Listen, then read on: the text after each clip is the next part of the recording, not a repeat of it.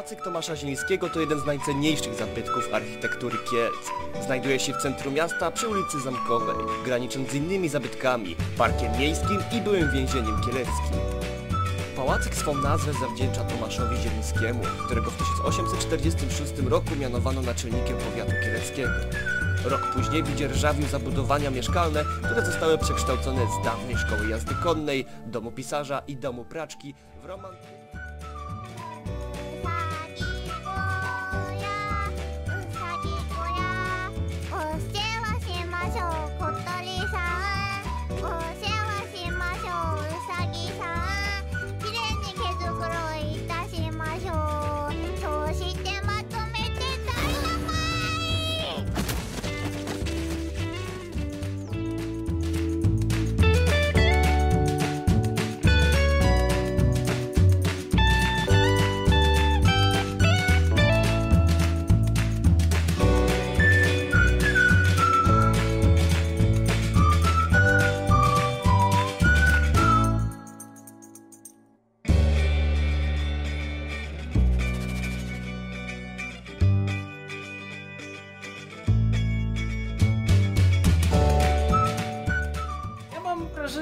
oni mają jakiś problem do Da się może coś powiedzieć. Dobra, w takim razie witamy już, nieważny jest numer, w ostatnim odcinku podcastu Animologia W tym roku w tym roku. Później Lesiu niestety idzie drogą drogą samuraja, drogą Orchera, pełnią Ej, ale nie przesadzaj po prostu. Pchnąłeś w stolik. Domyślam się. Okej, w takim razie skoro Lesia nie ma, to może, nie wiem, zmienimy coś w naszym podcaście.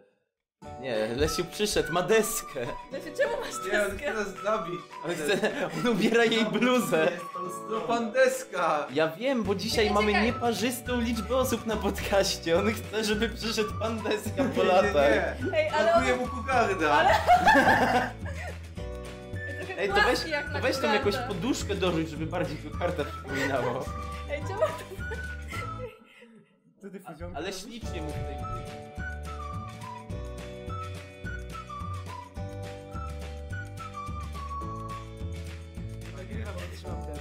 Ale to niestety tak nie jest w stanie, położył się na stole i tak wirtualny gokart. Nasz wirtualny Nie no, ale- Ale gokart. przecież musisz być tak nachylony, żeby było cię lepiej słychać niż Zupka, który tam mówi Dobrze, kochani. miejmy nadzieję, że nasze plecy to wytrzymają. Zróbmy zdjęcie. Może chcecie skarpetę, tak? Profesjonalna Na- na mikrofon. To jest zbyt harde, bo... Animologia profesjonalny. Nasz wirtualny gokart. najbardziej profesjonalny podcast. Pamiętajcie. Tak zostaje, już nic lepszego nie zrobimy. Tak, jak już zapewne słychać, po raz pierwszy nagrywamy wszyscy w jednym pokoju. Jest nas piątka, czyli cztery osoby normalnego składu i bez gokarta w, bon- ten, w bonusie. Tym razem- stwierdzi, że woli sprzedać Sylwestra z dziewczyną, masakra. Jak No, w ogóle, jak, jak on może się Hashtag nazywać? hetero, please. Tak, e, ale za to wymieniliśmy go na Dafyta, na magiczną dziewczynkę. Dafyt, Dzień dobry. Znaczy, nikt nie wie, kto to jest Dafyt, ale... Bardzo- dobrze. I bardzo nie- niech tak dobrze. W zostanie. ten sposób ludzie się dowiedzą, kim jest Dafyt. No To, to słynny opolski twórca atrakcji. tak, e, Rob, to... on robi atrakcje na wszystkich opolskich konwentach. I Tak, najlepsze a- wiedzówki a z jeśli fanartu. mamy być poważni, jest to postać, która zapisała się trochę w naszym fandomie, w naszej historii. Myślę, że każdy powinien ją znać. No i to, że zostaje tak zapomniany przez ludzi naprawdę bardzo smutne, więc pamiętajcie, to jest Dawid. Płacze po nocach. Słyszeliście go, on dubbinguje polskie serie, więc wiecie, Dokładnie. I teraz sobie wyobraźcie, że i teraz mamy podsumowanie roku, tak? Najważniejszy moment. I wchodzi taki Dafyt i nam psuje całą listę. Dlaczego możecie na niego zrzucić, jeżeli coś wam nie będzie w tej topce pasowało? dokładnie, bo to wcale nie jest nasza wina, że ona wygląda jak wygląda. To, to Dafyt których nikt nie widział Swoją- z nas. Swoją drogą to może zrobimy z tego piękną tradycję, skoro y, już jak jest tradycja świąteczna z tym jednym dar darmowym miejscem przy stole, to my będziemy mieli jedno darmowe miejsce w Sylwestra, że ktoś będzie mógł sobie przyjechać do tego Sylwestra i nagrać z nami tego. Dokładnie. Ej, Podsumowanie. Wam, W tym że roku to ja jestem tym Właśnie szczęściarzem. przyszedł mi pomysł na konkurs. Co znajduje się za deską? Co znajduje się za deską? Hmm. Powiem wam, A, że a, to jest a o której stronie deski? No właśnie, po naszej, bo naszej jest Faj- więcej rzeczy. Pamiętaj, że deska ma cztery strony. O nie! Ja myślę, że za deską znajduje się. Dobrze. Dobra, okej. E, e, Ale o, kate- podcast, podcast, podcast. zacznijmy Dobra, od tego. okej. Wracamy. Podcast, jak zawsze nagrywamy w Sylwestra, to też jest tradycja. E, W zeszłym roku każdy z nas się spóźnił na imprezę sylwestrową, bo nagrywaliśmy podsumowanie. Jak... Nie mamy takiego problemu. Dobrze, jak dobrze wiecie, seria, która dostała tytuł serii roku 2014, to było, jak dobrze pamiętam, Kill la Kill. Tak, było Mam nadzieję, dni. że to było Kill la Kill. to było Tak, kilka. było. Więc wiecie już, że nasze listy są słabe i nikogo. I jak są liczone, też już chyba pamiętacie. Każdy ma 10 miejsc do włożenia. Punktów tam jest dużo więcej, bo za pierwsze miejsce jest 10, za drugie 9 i tak dalej. Wow. Zrobiliśmy 5 list, sumowaliśmy punkty, wyszła głupia lista. Ale jaka jest seria roku, dowiecie się o tym później, bo to nie ma co zaczynać. To zaskoczenie będzie wielkie. Mamy w sumie. Nie, z, z, dzisiaj, dzisiaj po prostu kategorii. mamy tylko kilka kategorii. Y, Dokładniej tam z 18 i w tych kategoriach będziemy się rozwodzić. Zasady są proste. Wybieramy sobie kategorię i każdy odpowiada, co uważa, że do tej kategorii należeć powinno. E, Jeżeli dwie albo trzy osoby zdecydują się na tą samą rzecz, to prawdopodobnie wygra, ale jeżeli na przykład będzie pięć różnych głosów, ewentualnie jeżeli Będzie e, dwa do dwóch. będzie dwa do dwóch, to wtedy będziemy musieli to jakoś rozstrzygnąć, ale mamy nadzieję, że dogadamy się. Tak, będzie to rozstrzygnięcie albo przez jakąś konkurencję, albo po prostu ktoś będzie musiał przekonać inną osobę do swojego zdania. Przez jakąś konkurencję. Przez jakąś Teraz już konkurencję? się boję. No wiesz, nie wiem, różne są konkurencje. Zagramy w jeden z dziesięciu kto wygra. Zagramy w jeden To z to dziesięciu będzie na najdłuższy podcast, powiem ci. Nie, dobrze. W takim razie, pięć e, po, pomijając wszystko, od razu przechodzimy do naszych super kategorii. Jak najbardziej pierwszą kategorią będzie najważniejsza rzecz, jaka wydarzyła się w anime w tym roku. Ale ogółem w sensie? Taka najważniejsza Tak. rzecz, najważniejszy news, najważniejsza A, no to po prostu proste. rzecz, która się stała. Dobrze, to zanim wszyscy powiedzą to samo, to ja zacznę.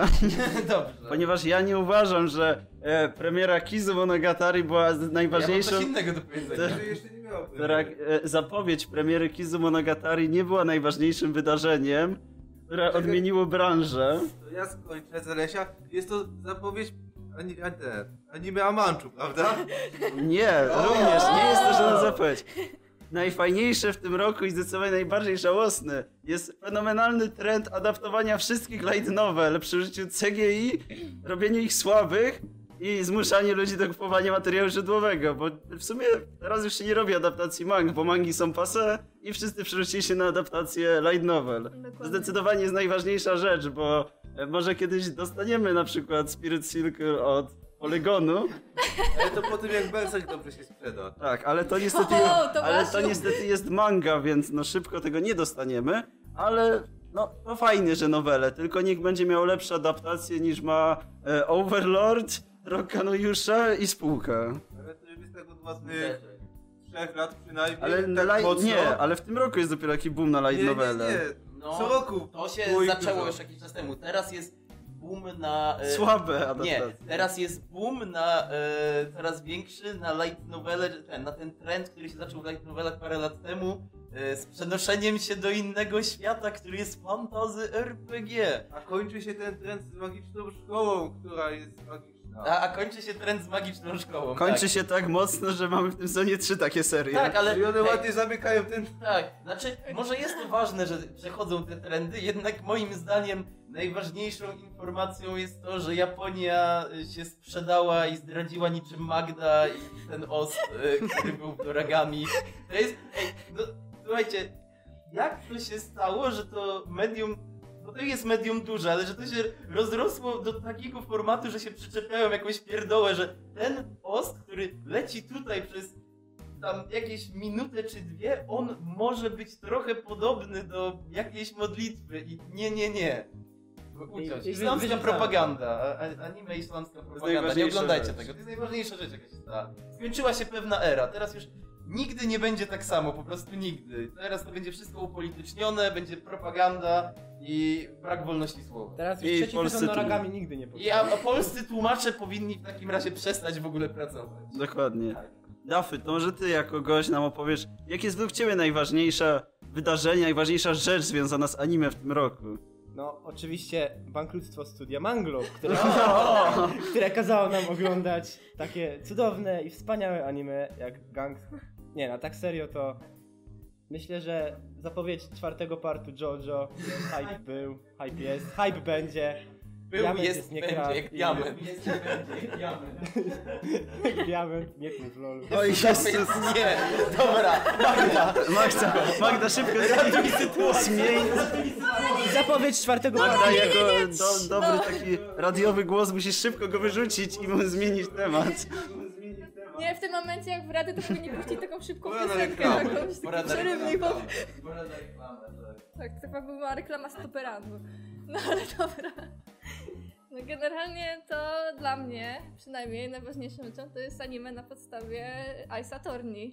To jest dla mnie najważniejsze wydarzenie tego sezonu. Chociaż tak będzie tak bardzo chujowe, że bardziej chujowe nie będzie. Znaczy, może, może mniej chujowy niż Danganronpa, ale i tak się jaram, że, że będzie. Madziu, pocieszę cię. No cóż, wygląda na to, iż każdy ma odmienne zdanie. Prawda tylko ja i Lesiu potrafimy spojrzeć na temat jakiejś bardziej sze szerokiego, tak, bardziej obszernej skali i faktycznie na to jakoś popatrzeć, na całość, na, jako, na anime jako całość, a wy tylko patrzycie na jakieś zapowiedzi swoich ulubionych serii, jak tak można. Nie wiem, no ja patrzę z perspektywy ostatnich czterech lat. No dobra, Ej, no chciałam powiedzieć, ale stwierdziłam, będę oryginalniejsza. no dobra, to w takim razie e, mamy pięć różnych głosów. Czy ktoś może teraz zmienić zdanie? Tak szybko się pytam, czy ktoś może też po weźmy- tego Ja wszystkiego? mam... Tomku, ile płacisz za Kizu? Jakieś bilet do kina. O, dobra, lecimy. Biorę, zmieniam zdanie na Kizu. Kizu Dobrze, wygrało. Kizu Dobra, wygrało. Kizu wygrało, okej. Jednak najprostsza rzecz wystarczyła. Zapowiedź Kizu Monogatari jest najważniejszym wydarzeniem w tym roku. Tak, Kizu Niver wygrywa. Okej, w takim razie przechodzimy szybko do kolejnej kategorii. A, proszę, największe zaskoczenie. Ostatnia. Madziu, proszę, wypowiedz się. Największe zaskoczenie? Ale... o Boże. Ej, kurde, nie, to będzie ciężkie. Hmm. Nie, nie, może ktoś inny zacznie, bo ja muszę się zastanowić. No widzę zaskoczenie, generalnie było tyle rzeczy. Największe zaskoczenie, jeśli chodzi o anime, tak? No, Tak. To zdecydowanie Akagami no Shirayuki Hime. Anime, o którym do drugiego odcinka nie słyszałem nic. Lesiu kiedyś na Bukilandii wrzucił opinię o pierwszym odcinku i stwierdziłem, ej, dam szansę tej serii. Pewnie jest, pewnie jest słaba, ale dam jej Polesiu szansę. poleca, co to ma być? I, No. I po prostu klimat tej serii, bohaterka i wątki wszystkie, no, Bohaterka 15 na z- zach 10. zachwyciło mnie i to jest największe zaskoczenie, jakiego doznałem w tym roku, jeśli chodzi o anime. Dobrze. Piękna razie wypowiedź. Lesiu. Ja? Tak. Czemu ja? O nie, no. No, bo można. Bo wygrałeś poprzednią kategorię. Tomek, wy... Tomek wygrał, więc jako zwycięzca musi teraz poczekać. Teraz nie ma głosu. Dobrze, nie no, największe zaskoczenie w tym roku to jest coś, o czym już mówiłem na tym podcaście nie raz, nie dwa i nie pięć razy. To jest Kekai Sensen, bajka, która ma najbardziej generyczny plakat, bajka, która miała najbardziej generyczny od strony wizualnej yy, film promujący oraz jest to seria, która z opisu brzmiała jeszcze bardziej generycznie niż te dwie pozostałe rzeczy razem wzięte. Yy, jak można zrobić dobrą bajkę z serii o organizacji superbohaterów, którzy walczą ze złem, które pojawiło się w Nowym Jorku przez wyrwę w czasoprzestrzeni, a miasto zostaje zamknięte barierą, z której nie może nikt wyjść, ani nikt do niego wejść. Proszę was, Ale mówisz tak, jakbyś nie chciał polecić tej bajki. proszę was. W Którym którym nie chce jej polecić. w którym miejscu to brzmiało dobrze, a potem dostajemy serię, która przede wszystkim wygląda świetnie, ma najlepszy ost w tym roku, ma super panią reżyser, tą samą, która była w przypadku Kiosugigi. No, czasami miała tam odpały po kroju trzeciego odcinka, gdzie seria wyglądała na przekombinowaną. No i co jest tam wspaniałego? To, że to jest seria, która ma klimat i się dzieje w XX wieku, a jak seria ma klimat i się dzieje w XX wieku, to mi to wystarczy. Dupku. Nie, teraz ja. Cały czas jak myślę o zaskoczeniu, to w głowie mam serię w ogóle z tego sezonu, a jest ją Shomin Sample i w sumie bardzo mocno się tym zaskoczyłem, ponieważ podobnie jak w przypadku Lesia, tylko że jeszcze bardziej, była to seria, która miała taki tak typowo generyczny po prostu opis, jak tylko się da. Masz gościa przeniesionego do szkoły, w której są same laski i te laski nigdy żadnego tam gościa chleba nie widziały, bo to są same księżniczki, a on tam do nich idzie i jest koło niego jakaś lolitka, tsundere, coś tam, coś tam, coś tam. A okazało się, że jest to całkiem sprawna komedia, która buduje swoje gagi i to jest najlepsze, że nie rzuca w ciebie cały czas czymś, no bo teraz mamy taki trend, że seria rzuca w ciebie tymi gagami co jakieś 5 sekund, dostajesz czymś mega głupim i co nie jest związane w ogóle z tematem, a tutaj masz tak, że przez te 10 minut z jakieś tam drobne gagi, to ale jest budowana. Cała atmosfera jest budowany cały jeden wielki, większy żart, to wszystko zmierza do takiego momentu kulminacyjnego, w którym faktycznie jest coś śmiesznego. I poza tym wygląda całkiem ładnie i brzmi ciekawie. Jak dla mnie taka bardzo dobra seria do polecenia na jakieś 6-7 na 10. Na 6 na 10. Polecam. Okej, to teraz, Teraz ja. Magda, o, bo Tomek już się No. wyrwał, ale no O, Tomek, to ale Tomek ostatni. Tomek po zwycięstwie w swojej kategorii jest ostatni. Magda. Dobrze. No to ponieważ chciała, tak sobie myślałam, myślałam i y, generalnie też bym strzelała w Kekai Sensen, ale... Ale chcesz nam utrudnić oryginalna. No, dlatego strzelę w Perfect Insidera, która seria, jak patrzyłam tak ładnie na tagi, zaczęła w tagach Mystery, to stwierdziłam, że to się nie może udać i jakoś po trzecim odcinku dadzą mi taki bullshit, że wyjdzie coś gorszego niż Trapokitan. A powiem wam, przez 12 odcinków dostawałam taką historię, którą z przyjemnością mi się oglądało. Było po prostu wszystko ładnie rozwiązane, wszystko ładnie przeprowadzone, seria też dobrze wyglądała. Więc, a poza tym opening jest jakieś 15 na 10, więc ja byłam mega zaskoczona i, i nadal powiem, że Perfect Insider to coś, czego nie spodziewałam się, że, było, że będzie dobre, a było. I w takim razie mamy znowu remis, tak? Tak, Tomku, masz Bo decydujący głos. Mój decydujący głos idzie na Hibikę Infoniu. Why? jako człowiek, który bardzo lubi serię Kyoani i tak ostatnią przed Hibikę, która bardziej mi się spodobała, było, był Keion Albo Suzumiya. albo Suzumiya, Ale to Suzumija nikogo. dokładnie. właściwie nie licz, liczyłem na to, na to, że Hibikę będzie słaby i zdropuje w ciągu dwóch odcinków, a jest jedną z najlepszych serii, jaką widziałem w ostatnich latach, więc to było największe zaskoczenie. No to mnie przekonał. Nie, nie, dobra. Ja zostaję, ja zmieniam swoje zdanie. Przekonał mnie, że Hibika. No to dobra, to ja lecę też na Hibikę, ponieważ to najlepsza seria tego W sezonu. sumie też się zastanawiałem nad Hibikę, ale chciałem raczej powiedzieć, że nie rozumiem czemu wszystkim innym się to podoba i to jest mega dla mnie zaskakujące, że to się podoba wszystkim innym. Ja byłbym w stanie się przekonać do Perfect Insidera, chociaż nie był aż tak dużym zaskoczeniem, bo oglądałem go, gdy się skończył i już wiedziałem, że jest dobry, bo wszyscy No bo ja ci go polecałam. To Magda, na pewno chcesz zmienić głos? Ale w pewnym sensie było to duże Bo ja w zaskoczenie sumie i też mogę w stanie się do tego przychylić. Że całkiem mnie zaskoczyło to bardzo, jak was zaskoczył ten Perfect Insider. Zupku, nie kombinuj. Nie dobra, lecimy na Hibikę. Było to bardzo zaskakujące. Też było fajne. 2-0. No nie. Więc Tomek zdecydowanie jest zwycięzcą i mistrzem perswazji w dniu dzisiejszym. Tomasz ładował najwięcej w charyzmę, no trzeba to przyznać. To ta broda. W takim razie, skoro już byliśmy przy największym zaskoczeniu, to w takim razie rozczarowanko sezonu. O Jezu. Czy sezonu roku? No E, to roku, rok. przepraszam. O E, Jezu. Sezonu 2015. To też jakiś sezon. Okej, to ja powiem pierwsza teraz. To ja będę za Gakugurashi. Jako największym rozczarowaniem tego roku. wow, jakie zastanawiające miny w ogóle tutaj.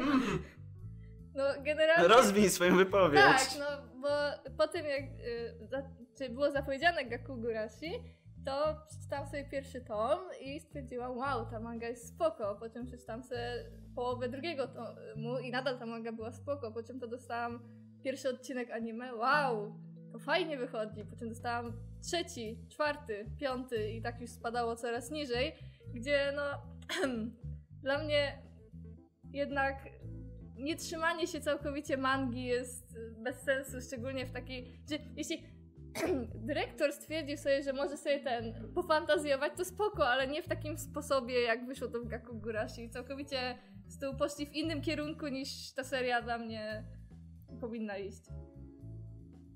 No ale spodziewałeś się czegoś innego po Gakugurashi Tak. i Znaczy, po prostu, po prostu co, zobaczyłeś, ba- że o mój Boże, to wykonuje Studio Lersie, to musi się udać. bez przesady, ale po prostu stwierdziłam, że zrobią to bardziej na podstawie mangi niż, niż zrobili i po prostu to mnie bardziej rozczarowało niż... Bardzo, No. smu- bardzo smutna Zdarza No, historia. Zdarza w się. ogóle... No, Zdarza się, wszyscy popełniamy błędy, na przykład zaczęliśmy oglądać spoko. Gakugurashi, co już było błędem samo w sobie.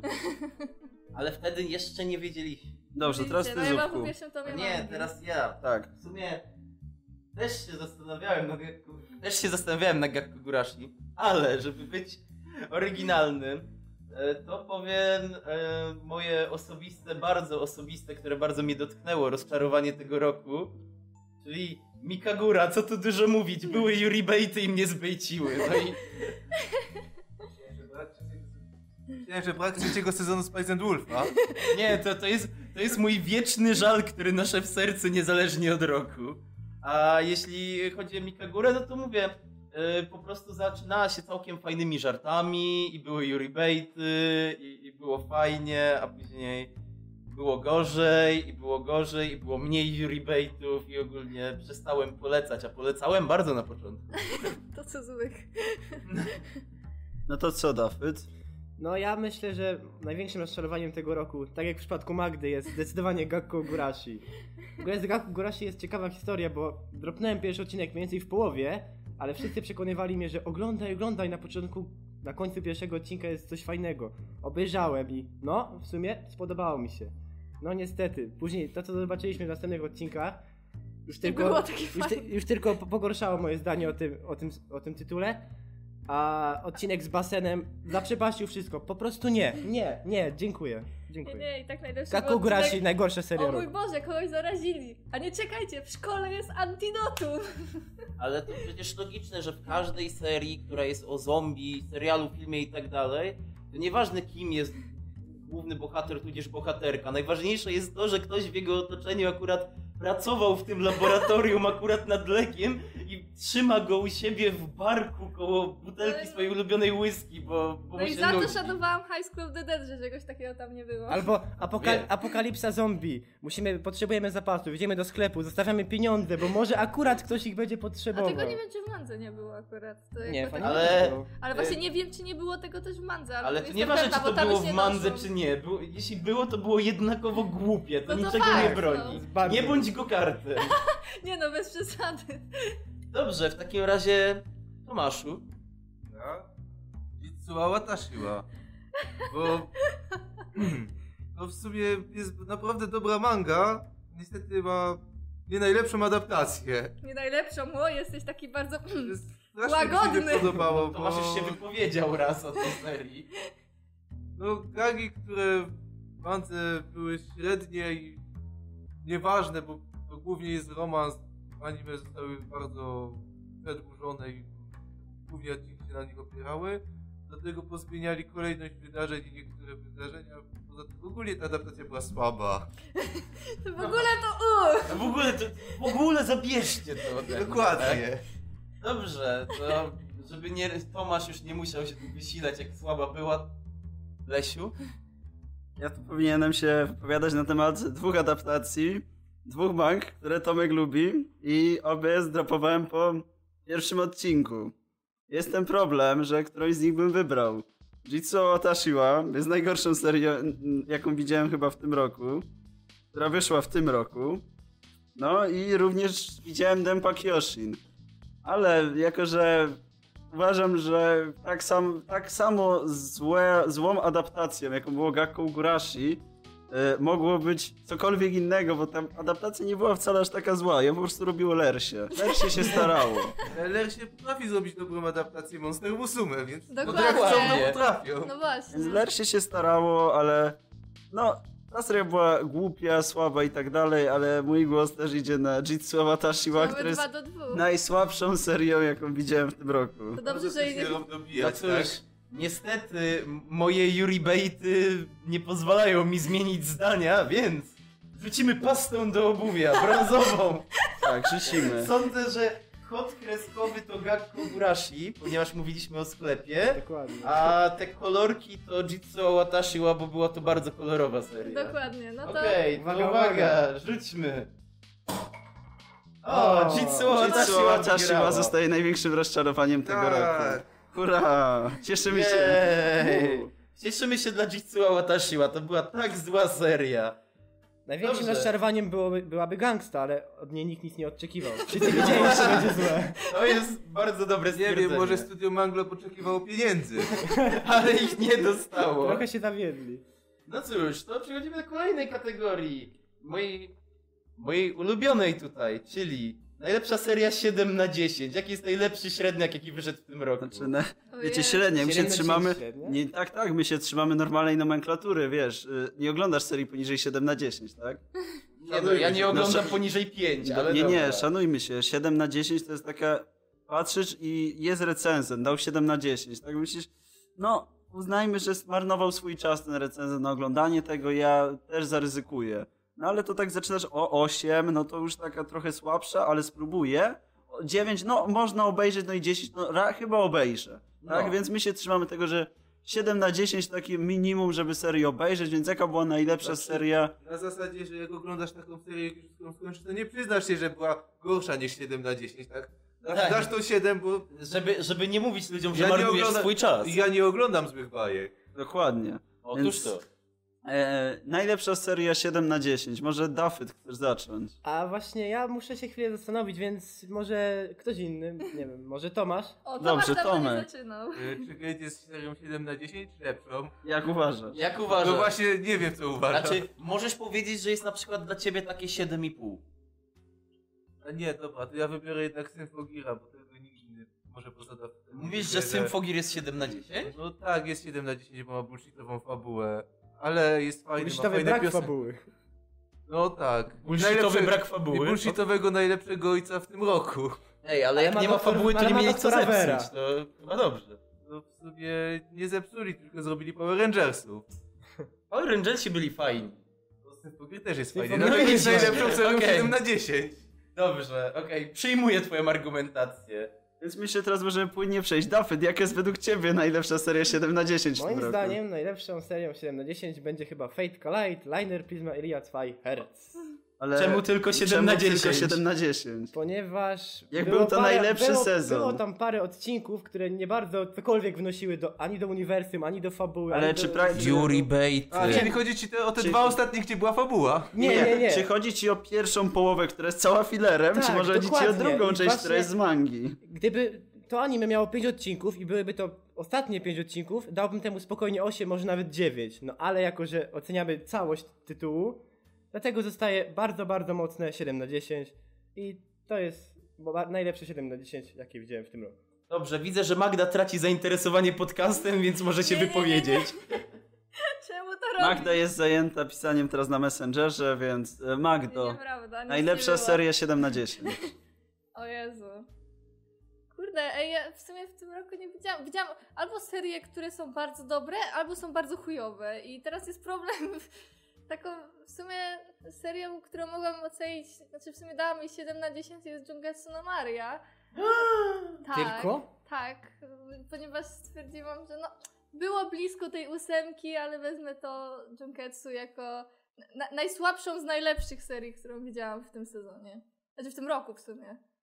Zabrzmiało tak bardzo biednie, na, na, najsłabsza z najlepszych. No tak, zabrzmiało, no bo- To zabrzmiało takie, nie, nie, ty jesteś upośledzony, jesteś specjalny.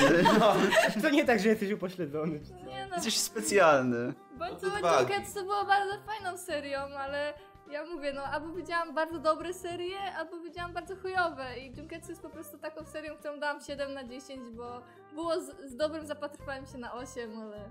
Trochę, trochę tak jak taki tego, jak taki student prawa, którego wyjebali na drugim roku na Harvardzie. No i był na tym Harvardzie, przetrwał pierwszy rok, ale ciągle wyjebali go ze studiów. To wcale nie pomaga na jakiej uczelni był. Dalej jest chujowo. No, tak właśnie tak smutno to zabrzmiało. Bardzo, bardzo wytłumaczyć. ciekawe porównanie. Dobra, ponieważ już się wypowiedziałam, teraz ty, jaka była najbardziej seria 7 na 10? Najbardziej seria 7 na 10? No, było takich kilka, ale jak tak sobie pomyślę, to pod względem takiego enjoymentu to Overlord. No, ja, ja nic nie powiem, niestety porzuciłam Overlorda na trzecim odcinku. Ja po pierwszym.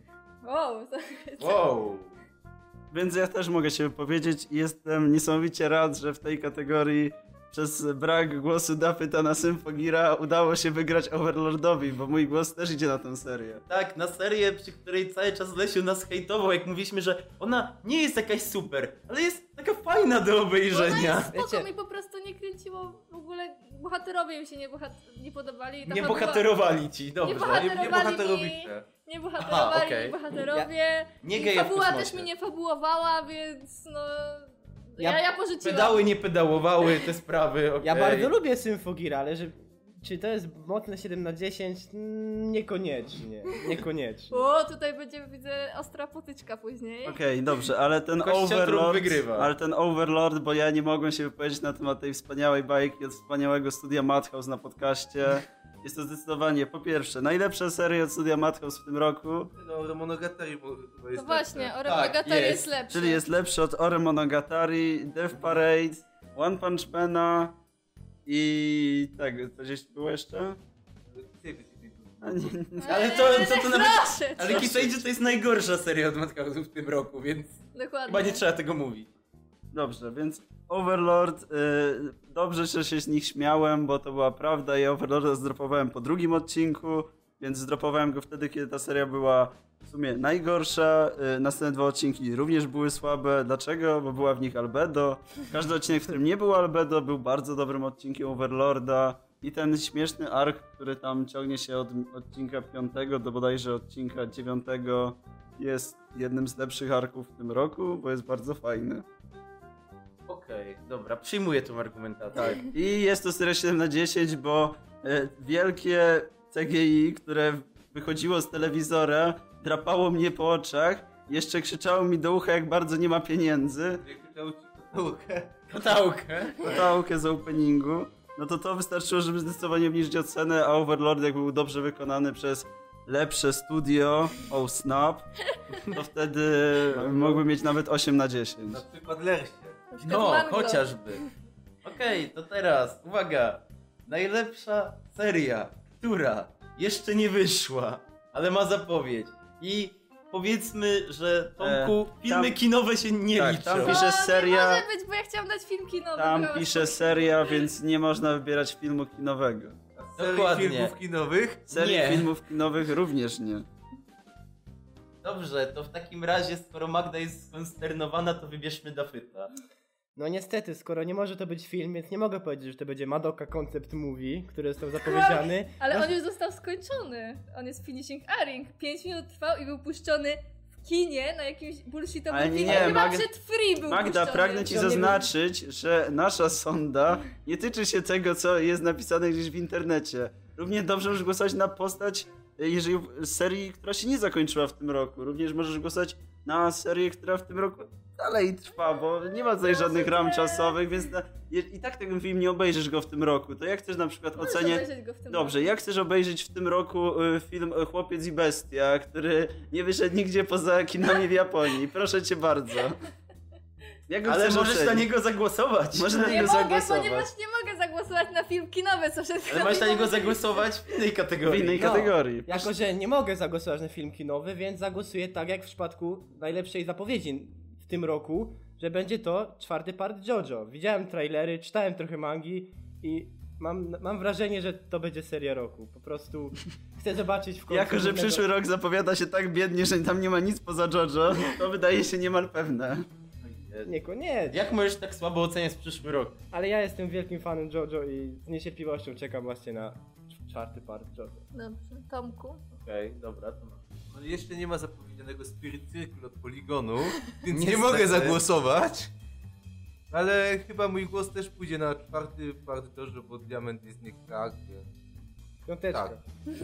O nie.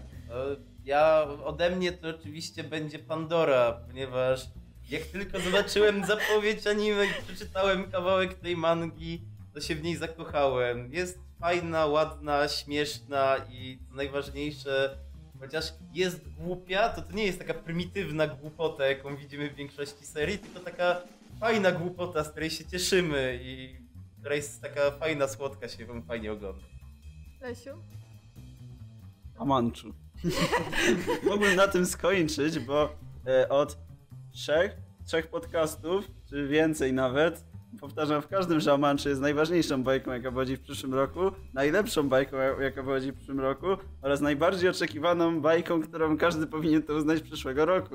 Dlatego, że jest to seria od... Najbardziej oczekiwaną. Dlatego, że jest to seria od Kazue Amano, najlepszej artystki, jaką Japonia Wyłącz kiedykolwiek wyłącz nosiła. mikrofon Lesiowi, bo chyba się zaczyna Najlepszej artystki, jaką kiedykolwiek Japonia nosiła. Nie Autorki, mogę, bo Audacity się autorki, autorki Ari oraz Aquy, która tworzy serię o nurkowaniu dziewczynek z Yuri Baitami, którą robi JC? Staff.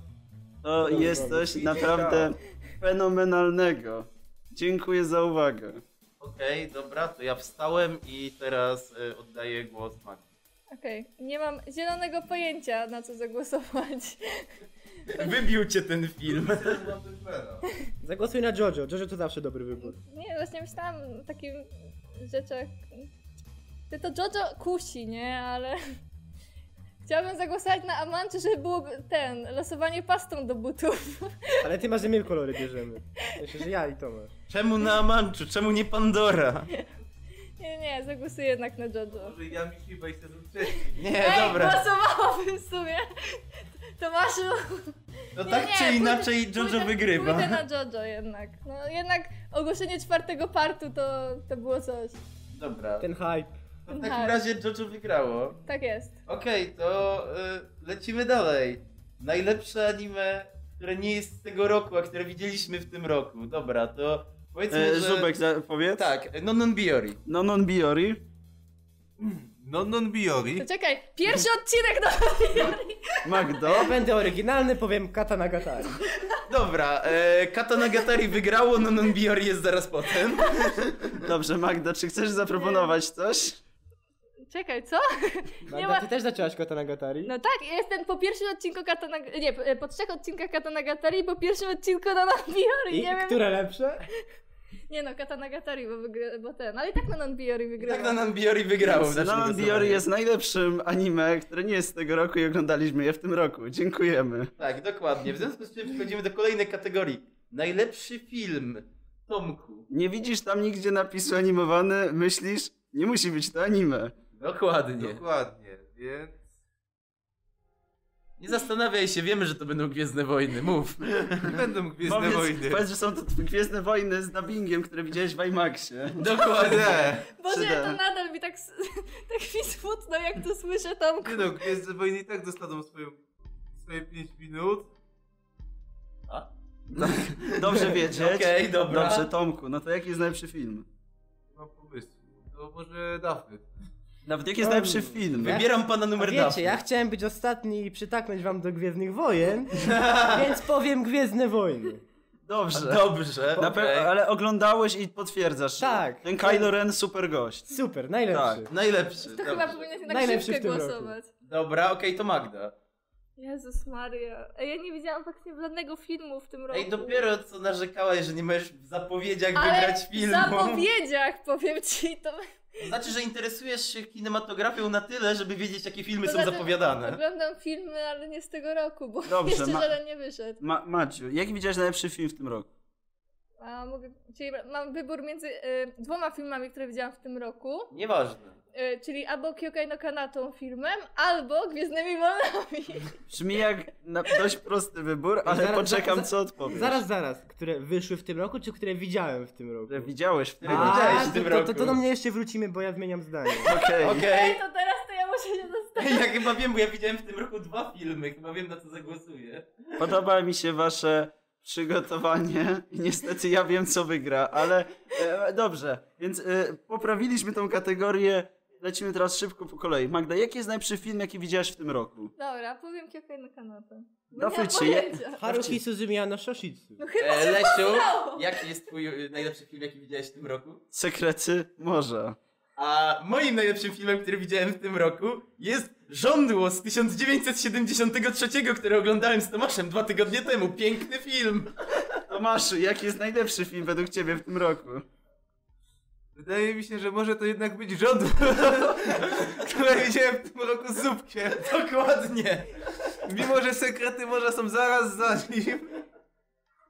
Żądło to po prostu zbyt piękny film, Dobrze. polecamy. To Najlepszym- najbardziej rakowa topka, jaką w życiu układaliśmy. Najlepszym filmem według podcastu Animlogia w tym roku jest Żądło. Dokładnie. W takim razie przechodzimy do kolejnej kategorii. Najlepszy odcinek. Może tym razem wyjątkowo od Lesia. Ode mnie zaczniemy. Najlepszy, Dokładnie. najlepszy odcinek y, w tym roku. Z bajki, która była w tym roku jeszcze, tak? Tak, tak, tak, W oczywiście. tym roku z bajki, która była najlepszy odcinek. Powtórzę, Oczywiście. powtórzę to jeszcze raz, żeby się upewnić. Dokładnie. Tak. Więc najlepszym odcinkiem e, w bajce w tym roku zdecydowanie jest odcinek ósmy Hibike Euphonium. Jako, że możemy spokojnie spoilerować na tym podcaście, bo minęły już dwa tygodnie od premiery tej serii. Oczywiście. Oczywiście. E, ósmy odcinek jest najlepszym odcinkiem, bo jest najładniejszym odcinkiem, mającym praktycznie najlepszą muzykę, a na pewno mającym najlepszą muzykę graną przez główne bohaterki odcinkiem. Prawie. Okej. Tak, prawie, tak, prawie. Zajmującym drugie miejsce, jeżeli o to chodzi. Dodatkowo ma świetne budowanie relacji między Reiną a Kumiko, e, które są relacjami w żaden sposób nie Yuri. Są zwyczajne, przyjacielskie relacje e, dwóch dziewcząt. O tym, jak pięknie idą w góry, jak razem wspaniale grają. Ten śmieszny utwór, który już nie pamiętam, tam był... Czy to było ten o Księżycu? Tak, chyba Tak, tak. to był chyba ten utwór śmieszny o księżycu i po prostu to wyglądało obłędnie. Nie mogę powiedzieć, że to była jedna scena, bo to musiałbym powiedzieć, że połowa tego odcinka tak naprawdę, kiedy poszły w góry, ale tam w tle jeszcze cały czas był ten y, festiwal, który też był całkiem spoko i tam jedna dziewczynka dostała kosza, inna ją pocieszała i ogólnie ten odcinek świetnie pokazywał budowanie relacji między postaciami, a to Hibike robi fenomenalnie. Więc jak to robi fenomenalnie, a ten odcinek robi to najlepiej, to zdecydowanie był to najlepszy odcinek w tym roku. Dobrze, to w takim razie przejdźmy do Dafyta. Niestety u mnie jest ten problem, że nie pamiętam, który był to dokładnie odcinek. Może mi przypomnijcie, w którym dokładnie odcinku została wyjaśniona zagadka w Perfect Insiderze? Dokładnie, jeżeli chodzi ci o najważniejszy plot twist, który jednak z szacunku nie będziemy mówić na tym podcaście, nastąpiło to w odcinku 10. Tak, tak właśnie To myślałem. nie, to nie było w 11, w 11 było Tak, w 11 te- była ta rozmowa, to Tak. na końcu nie. No to moim zdaniem dziesiąty odcinek Perfect Insidera, w którym wyjaśniła się cała zagadka. Nikt, chyba nikt kogo znam, nie domyślił się przed dziesiątym odcinkiem o co chodzi, kto, kto, kto, Znaczy, co, każdy, każdy kto co, domyśl... dlaczego. Każdy do dziewiątego... To jest tak, każdy... Praktycznie każdy, kto czyta internet, wiedział, co się wydarzy do odcinka dziewiątego, ale to, co wydarzyło się w dziesiątym, absolutnie Tak, wyrzuciło tak. to wszystko do kosza. Dokładnie. Trochę żałuję, że nie oglądałem tej serii, ale kiedyś to naprawię. E, Okej, Rozwiązanie zagadki mieliśmy.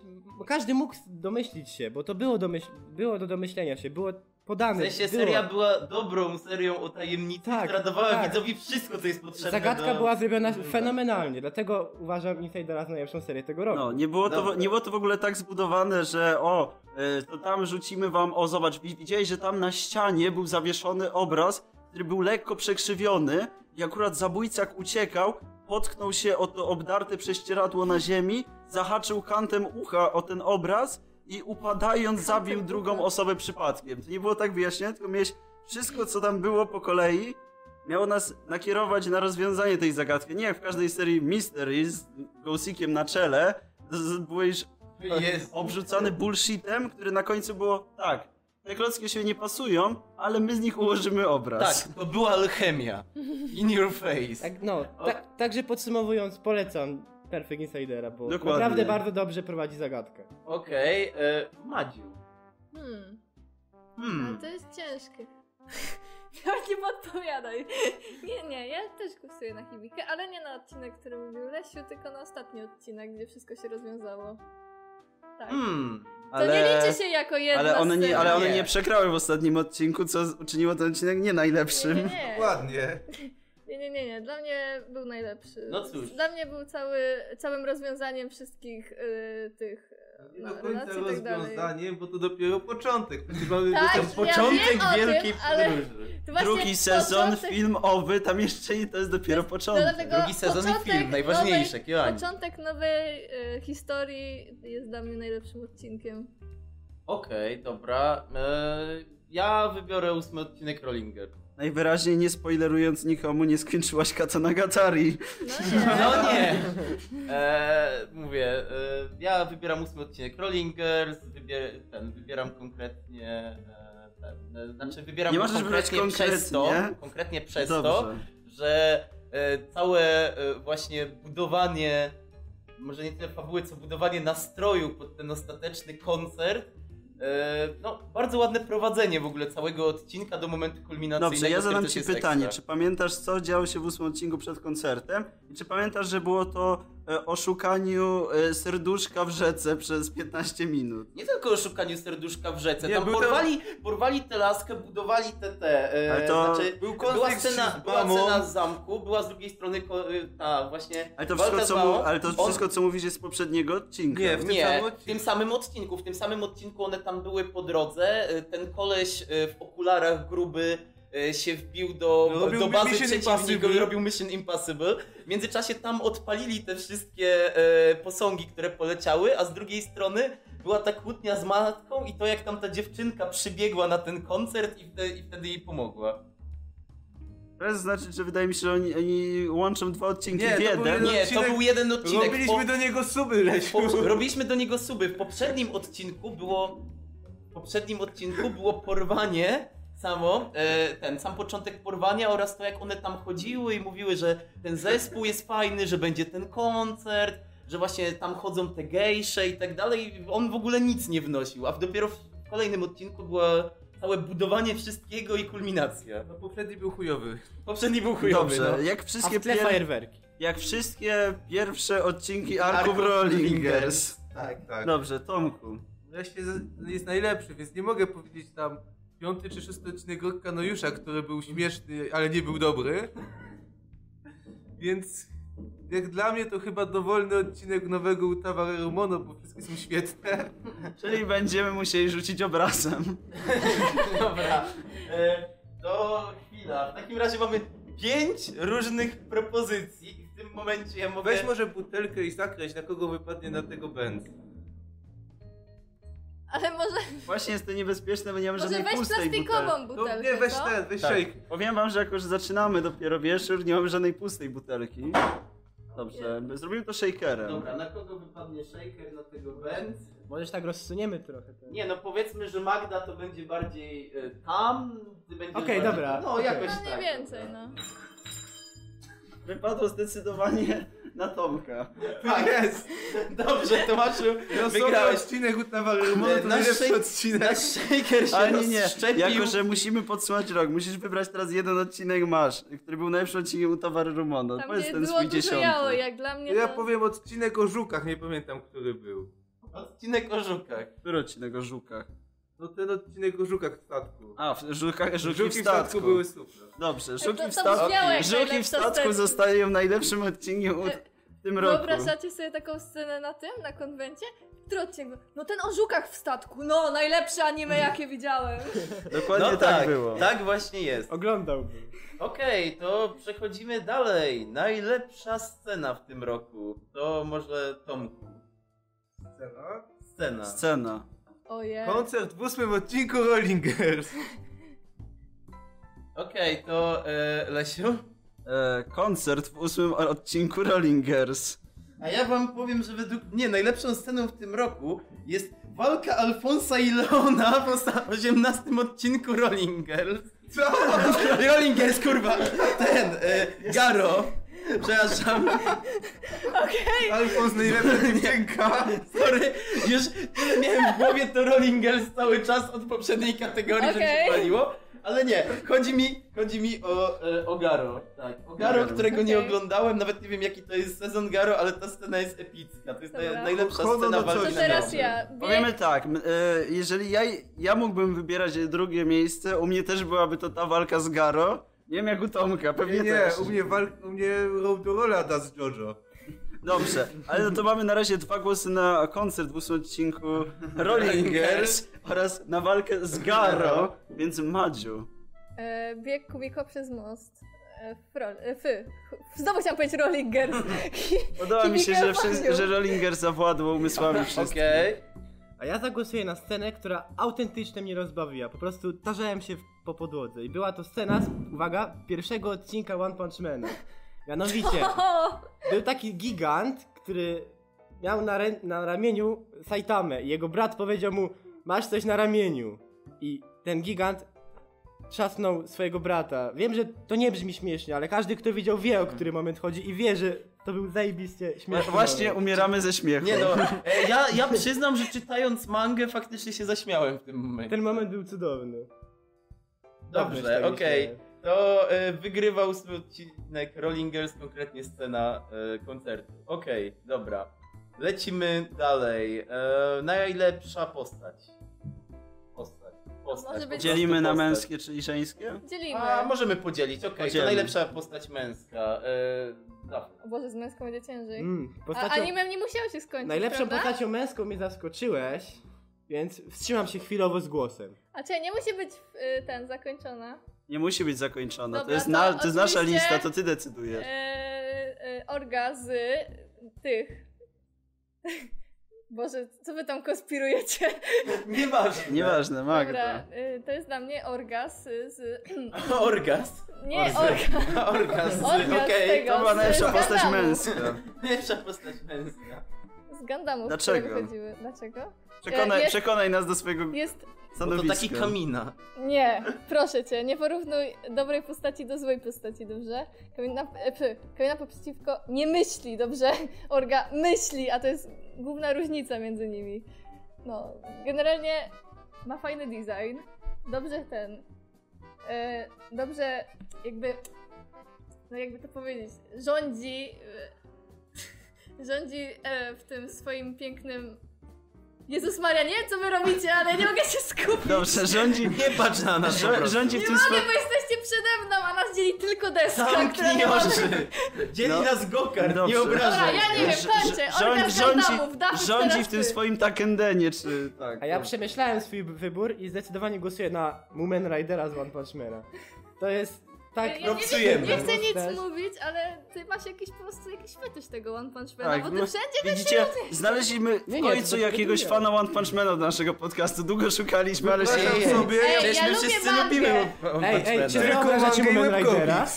Nie, nie, nie, Moomin Ridera nikt nie odbraża, bo to jest najlepsza postać, dobrze? No właśnie, sama Dokładnie. Magda stwierdziła, Nie, że to najlepsza postać. Moomin Rider jest Najlepsza najlepszą postać w postacią One tego Manie. anime, definitywnie. Nie no, największy problem całego One Punch Mana jest to, że Moomin Rider nie jest jego głównym bohaterem, bo dużo ciekawiej byłoby oglądać e, samuraja flamenko z Saitamą w tle niż Saitamę z samurajem flamenko w tle, więc uznajmy to, że Moomin Rider jest tym samurajem flamenko, którego nigdy nie mieliśmy możliwości Jest. obejrzeć. Tym samurajem flamenko, którego nie było w samuraju flamenko, bo Guillotine Gorilla.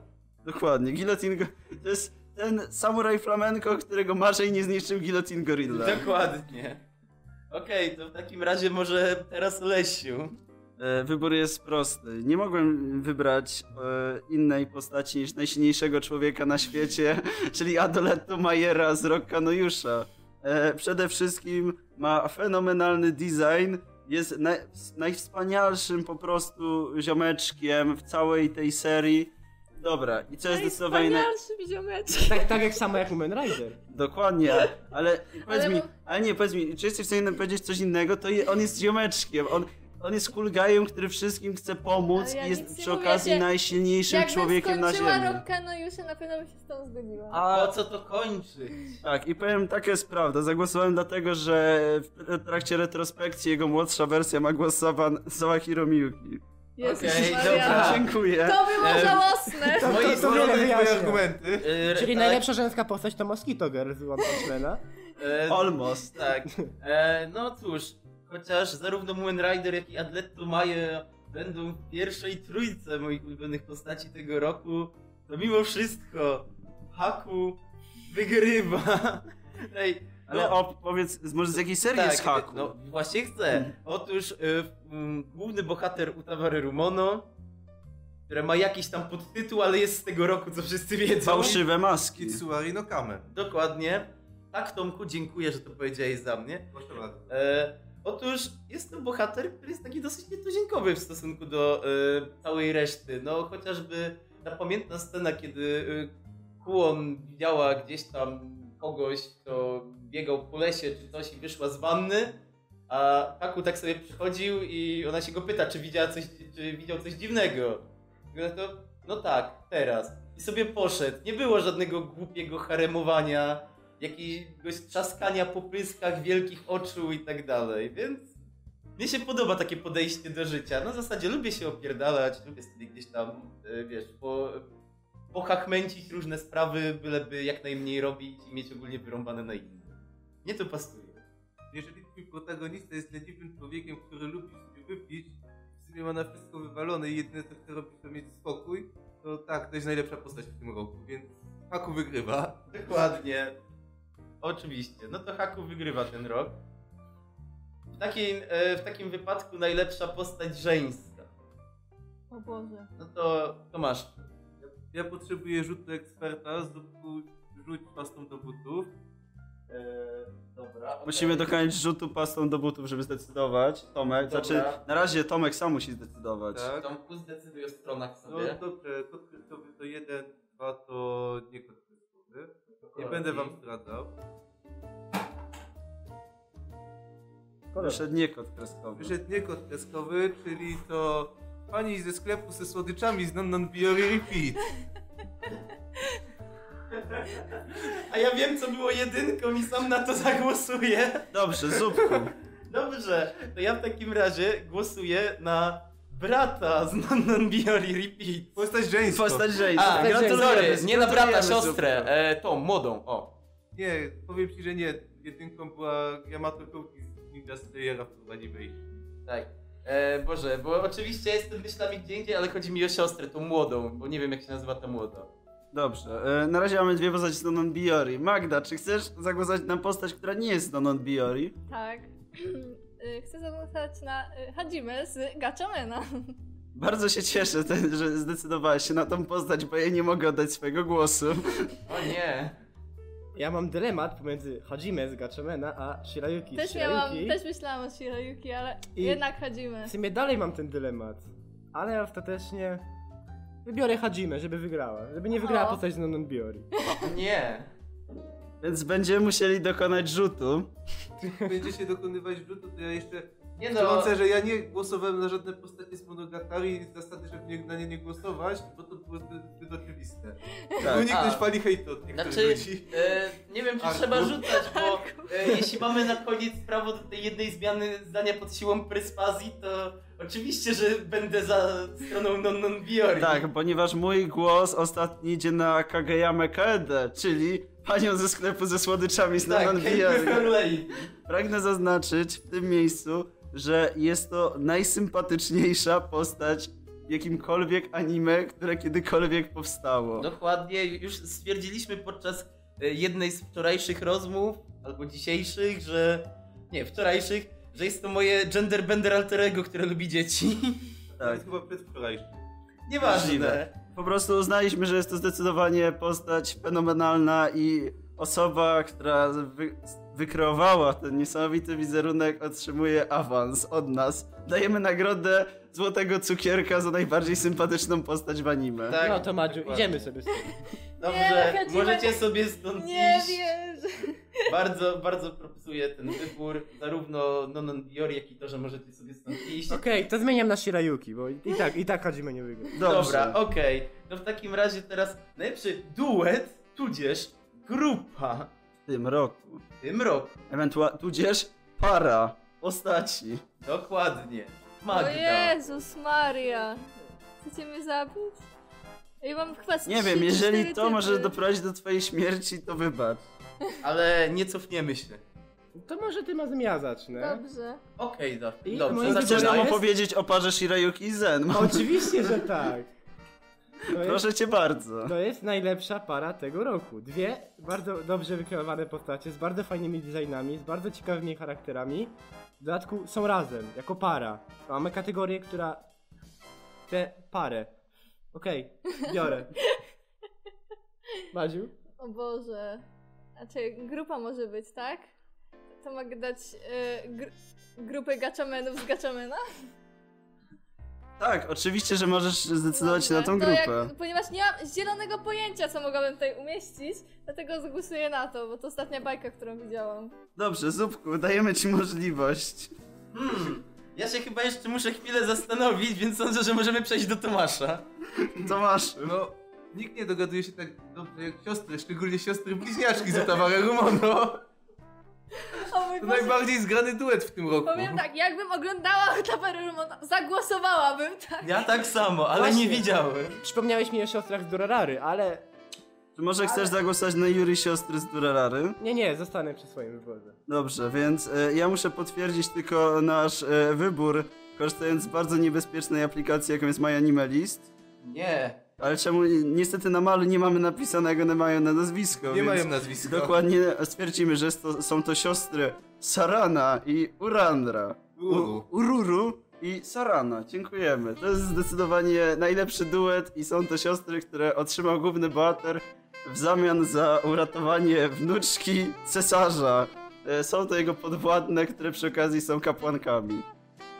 Potrafią parować. No to I wiele innych rzeczy. ja, ponieważ Dobra, obiecałem... przekonaliście Ja mnie. ponieważ obiecałem sobie, że gdzieś tu wrzucę tę serię, to mogę zagłosować tylko i wyłącznie na ten jakże przepiękny klub herbaciany z Juru Juri. Ponieważ... Następna rzecz, na Juru którą bym Juri. zagłosowała, ale nie widziałam serii.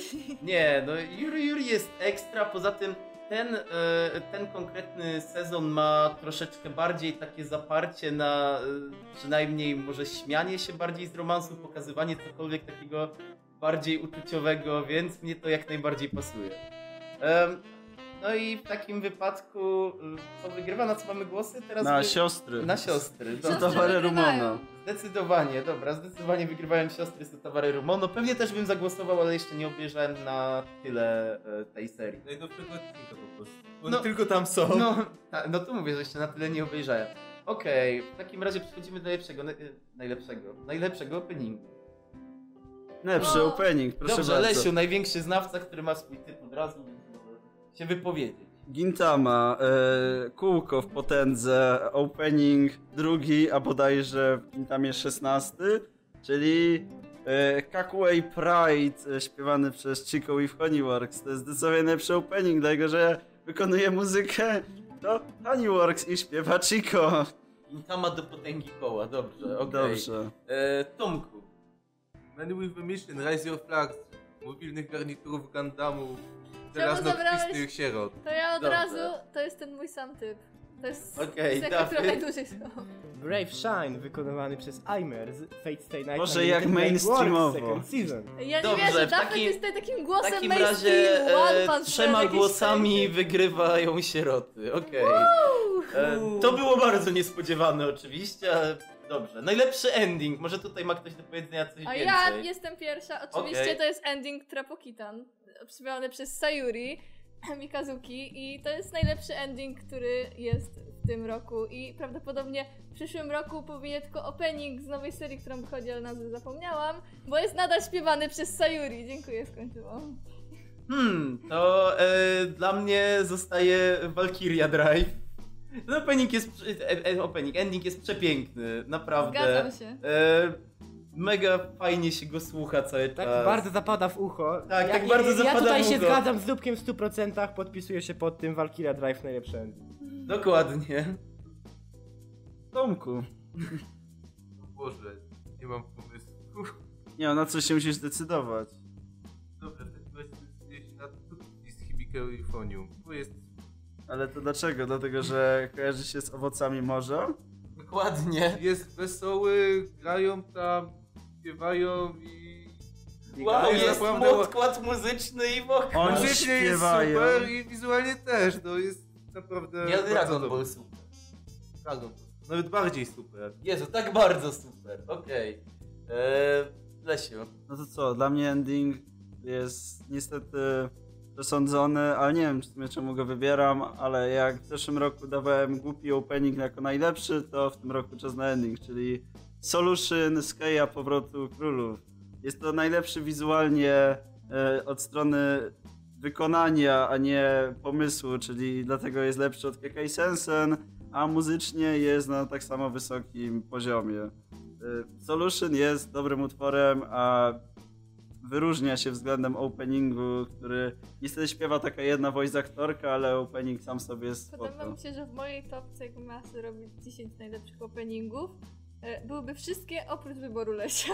No cóż, e, tak bywa. A Dlatego, teraz... że nie oglądałeś drugiego Sonokeja. Tak. Oho, jeszcze, teraz- jeszcze to nastąpi. No a teraz wygrywa w takim razie Valkyria. Bardzo dobrze. E, super, ultra, hyper, miracle love. E, Romantik. romantic love. Coś, tak. coś tam. Dużo coś tam. słów, love. Dużo słów, dużo miłości, dlatego Dużo endingu. słów, dużo miłości, e, QQQ i tak dalej. Zawsze, na zawsze w naszych sercach. Dobrze, to teraz kategoria jednogłosowa, czyli Magda najlepszy short. Pragnę zaznaczyć, jakie, jakie... To jest kategoria Magdy, ale każdy ma prawo głosu. No dobrze, ale każdy z nas poza tym widział może jakiś jeden short w tym roku. Ale większość przynajmniej, że była na przykład kategoria najlepszy film. No dobrze, okej, okej, przyznaję. Magda. Najlepszy short? O Jezu, ale w tym roku były strasznie kijowskie shorty. Smutne. ja zacznę. Znaczy tak, no było albo Hakadol, albo Miss Monochrom, ale Dobrze, no to ponieważ Pozwolę zagłosuję na Miss Magdzie Monochrom. zacząć. Dobrze, Miss Monochrom, który sezon? Trzeci. Trzeci, Tomku. Oczywiście, że Hakadol. Najlepszy short. Takie piękne parodie wszystkiego. Od Shirobako po Dragon Balla. Dobrze, zupku piątka. A teraz no nie ty. chciałam, nie chciałam głosować na Hakadol, Hakadola, bo to by oczywiście. było za oczywiste. E, przepięk, właśnie przepiękne parodie, a odcinek Genderbender zapisał się w moim sercu jako bardzo dobry Ej, romans Monochrom drama. też To nie był odcinek Genderbender, tylko to. No nie, to był odcinek. był odcinek to był odcinek Genderbender. Genderbender, jednocześnie odcinek o trapach. Dokładnie, i to jest najpiękniejsze. Jestem załamany postawą mojej współprowadzących, więc mój głos idzie na jedyną serię, którą mogę tutaj umieścić, czyli zdecydowanie najlepszy short nie tylko tego roku, nie tylko zeszłego roku, Nie, Lesiu, nie tylko ostatnich 5, 10 i 15 lat. Najlepszy short, jaki powstał kiedykolwiek, czyli Wakako Zeik, będące najlepszą serią o jedzeniu, jaką widziałem kiedykolwiek. Ona lepiej traktuje temat jedzenia niż jakieś tam sołmy, niż porno Koufuku Graffiti. To jest prawdziwa seria o tym, że idziemy do baru, zamawiamy jedzenie, jemy to jedzenie, popijamy alkoholem i wychodzimy, kontynuując naszą codzienną wędrówkę przez życie. Dodatkowo Pamiętacie, głosu głównej Dodatkowo głównej bohaterce głos podkłada Sawashiro Miyuki, co Jezu. czyni ją praktycznie jedną z najlepszych dziewczynek w tym roku, ale Wakako Zeig, Wakako Zeig jest zdecydowanie najlepszym shortem. Jak pamiętam, jak ta seria zaczęła wychodzić, tak sobie przyglądałem czarty i wysłałem do Lesia wiadomość na zasadzie Ej, Lesiu, tu jest jakaś, jakiś short, który ma w kaście tylko Sawashiro Miyuki. E, Lesiu po jakichś 5 minutach odesłał ten, odesłał screena z watching i 10 na 10. Moja ocena niewiele się zmieniła, bo obecnie ma 7 na 10 i to jest jedna z lepszych serii tego roku z tą oceną. Okej, dobra, ale nie podałeś tego jako najlepsze 7 na 10, więc... No bo Overlord jest jednak lepszym 7 na 10. Ta seria jest lepszym 8 na 10 niż 7 na 10, ale ma 7 na 10. Dobrze, rozumiem twoją argumentację. Brzmi logicznie. Brzmi logicznie, zanim wypowie się Magda znawczyni shortów. Ale Magda już się wypowiedziała. No. Jedynym odcinkiem, jedynego shorta, jaki w tym roku widziałem, to było coś, co miało w tytule Somera-chan, coś takiego. Nic z tego nie pamiętam. Nie, błagam cię, nie głosuj na to. nie, nie, nie mam zamiaru właśnie. I dlatego ja się wstrzymam od głosu. Czekaj, moż, Dziękuję. możesz na przykład zagłosować na Makurę no Danshi, którą bym dała w tym jako najlepszy opening shorta, który był, ale stwierdziłam, Okej, to Makurano Danshi za fajny opening. Dobrze, to w takim razie wygrywa Hakadol. E, Studi-. Studio Trigger zdecydowanie jest w tym roku na fali wznoszącej, mimo że według niektórych nie wydali w tym roku żadnej dobrej serii. No właśnie, ale to są ci, którzy się nie znają. to ci, co widzieli w tym roku tylko One Punch Mana. Dokładnie, co mają słaby gust, nie doceniają serii, które robiło Studio Trigger w tym roku. Dobrze, to w takim razie przedostatnia kategoria. Guilty pleasure nasze. To w sumie O mój Boże. może Tomasz. Powiedzmy, Tomku. No powiedz, o, przy jakiej słabej bajce bawiłeś się w tym roku najlepiej? W jakiej słabej bajce bawiłem się w tym roku najlepiej? To chyba będzie absolutne duo. Ale to teraz nam opowiedz, jak już bierasz serię. Dlaczego absolutny duet? To nie jest też do końca słaba bajka, bo jest taką średnią bajką. O, Nie Ale ta se- przesadzaj, dobrze. Niestety poziom spada w momencie, kiedy w ostatnich dwóch czy trzech odcinkach pojawia się fabuła i niestety nie jest to już bardzo fajne ecchi z jakimś tam bullshitową pseudofabułą, tylko zaczynają próbować robić jakąś dramę. No ale to jest seria, gdzie masz małą lolitkę, która macha antenką z włosów, dziewczynkę, która w szkole, gdzie wszyscy walczą jakimiś mieczami, włóczniami, przychodzi i mówi ci patrzcie, ja mam karabin. I nagle zaczyna do wszystkich strzelać, rozwalać ich z karabinu, bo może. Do tego masz bardzo brzydkie zbroje w CGI, które, z którymi walczą i antagonistę, który walczy z nimi i przegrywa pięć razy, ale ciągle jest ten sam jeden antagonista, który ciągle wraca, oni nie chcą go zabić. A, bo są miłymi ludźmi. Tak, No są dokładnie. miłymi ludźmi. Kulturalni. Do tego nie brakuje takich fajnych rzeczy jak odcinki plażowe, odcinki na basenie. Odcinki w bikini, odcinki w samej bieliźnie. Dokładnie. Festiwal kulturalny, dobrze. E, Magda. O Jezu, powiem szczerze, że ciężko mi Powiedz, powiedz ten Rampo Kitan, wiemy, że jesteś fanką. Nie, nie, nie, proszę cię. Najlepszy ending, ale bez przesady. Nie, nie, powiem Valkyrie Drive. Bo to jednak się przyjemnie oglądało, chociaż Pragnę tak zaznaczyć, że. Valkyria Drive miał odcinek z Tytanami, po którym wszyscy powinni tą serię porzucić i nie, Nie, nie, nie, pozwolić nie, jej Nie, nie, istnieć. nie, nie. Później było gorzej, ale oglądało się całkiem przyjemnie. Nie było gorzej, ale tak w sumie dalej... Strzały z dupy były gorsze. Tak, dokładnie. Jezu. Wydaje mi się, Ale- że cieszę się, że zdropowałem tą serię w połowie i wiele nie straciłem. Nie, nic nie straciłeś, bo ta seria jest kijowska, ale... Nie, nie, oglądałeś- pierwsze odcinki Valkyrie Drive są całkiem niezłe. Jak Ale na mówię- gatunek wysokobudżetowego hentaja, jaki Ej, sobą prezentuje. Generalnie jak na całość, to ta seria jest kijowska, nie wiem o pierwszych odcinkach, ale oglądało się ją całkiem przyjemnie, opening jest super, bardzo go lubię, ending jest jeszcze lepszy, ale no cóż, no, mogę powiedzieć, to jest bardzo przyjemne 3 na 10, które oglądałam. Dobrze, dafycie, bo widzę, że się tak zapalasz do tego, żeby opowiedzieć o swojej serii. No, moim, oso- moim osobistym guilty pleasure w tym roku był Oarinosera. A dlaczego? Uuu. Opowiedz nam Co o... Dobrze, spodziewał, dobrze, opowiedz nam Jezus Maria. coś więcej o Tak. Królu Soli. Tu, I tu zabrzmie trochę jak Lesiu, ale były tam moje dwie ulubione voice aktorki. Jeżeli Sa- to uczyniło to, Saori że mogłeś Hayami i się lepiej bawić, jeżeli to uczyniło tą serię taką, że mogłeś się przy niej lepiej bawić, Spokojnie. Y, Saori Hayami, która się wcieliła w Hiragi Shinoe, była w pierwszym sezonie przynajmniej, była bardzo fajną postacią, bardzo ją polubiłem. W dodatku sam motyw apokalipsy, walki z wampirami, nie wiem, to, to anime jest słabe, ale po prostu spodobał mi się. Dlatego jest to po prostu guilty pleasure. Do tego ta hierarchia między wam, wampirami, że oni tam byli w, w dziedzicami, że Tepesz Król była trzecim i tak dalej. Bardzo mi się to spodobało. W dodatku, dodatkowo designy broni i to, że za każdą z broni krył się jakiś demon i że oni rozmawiali z tymi demonami, kiedy byli nieprzytomni. No hej. To jest Tak bardzo minimalnie. edgy. To jest najbardziej, może nie najbardziej, ale jedna z najbardziej schematycznych serii, jaką widziałem, ale spodobała mi się. Po prostu. opowiedz nam, a opowiedz nam coś o Królu Soli. Dokładnie, Król Soli. Bardzo nas interesuje, kim jest Król Soli. Mi- Możesz spoilerować, opowiedz nam, dla- dlaczego Król Soli. Nie, nie Dokładnie. możesz spoilerować, mi zostały jeszcze dwa odcinki. Ale- To znaczy, powiedz mi, Król Soli? powiedz mi, jaką siłą natury jest sól?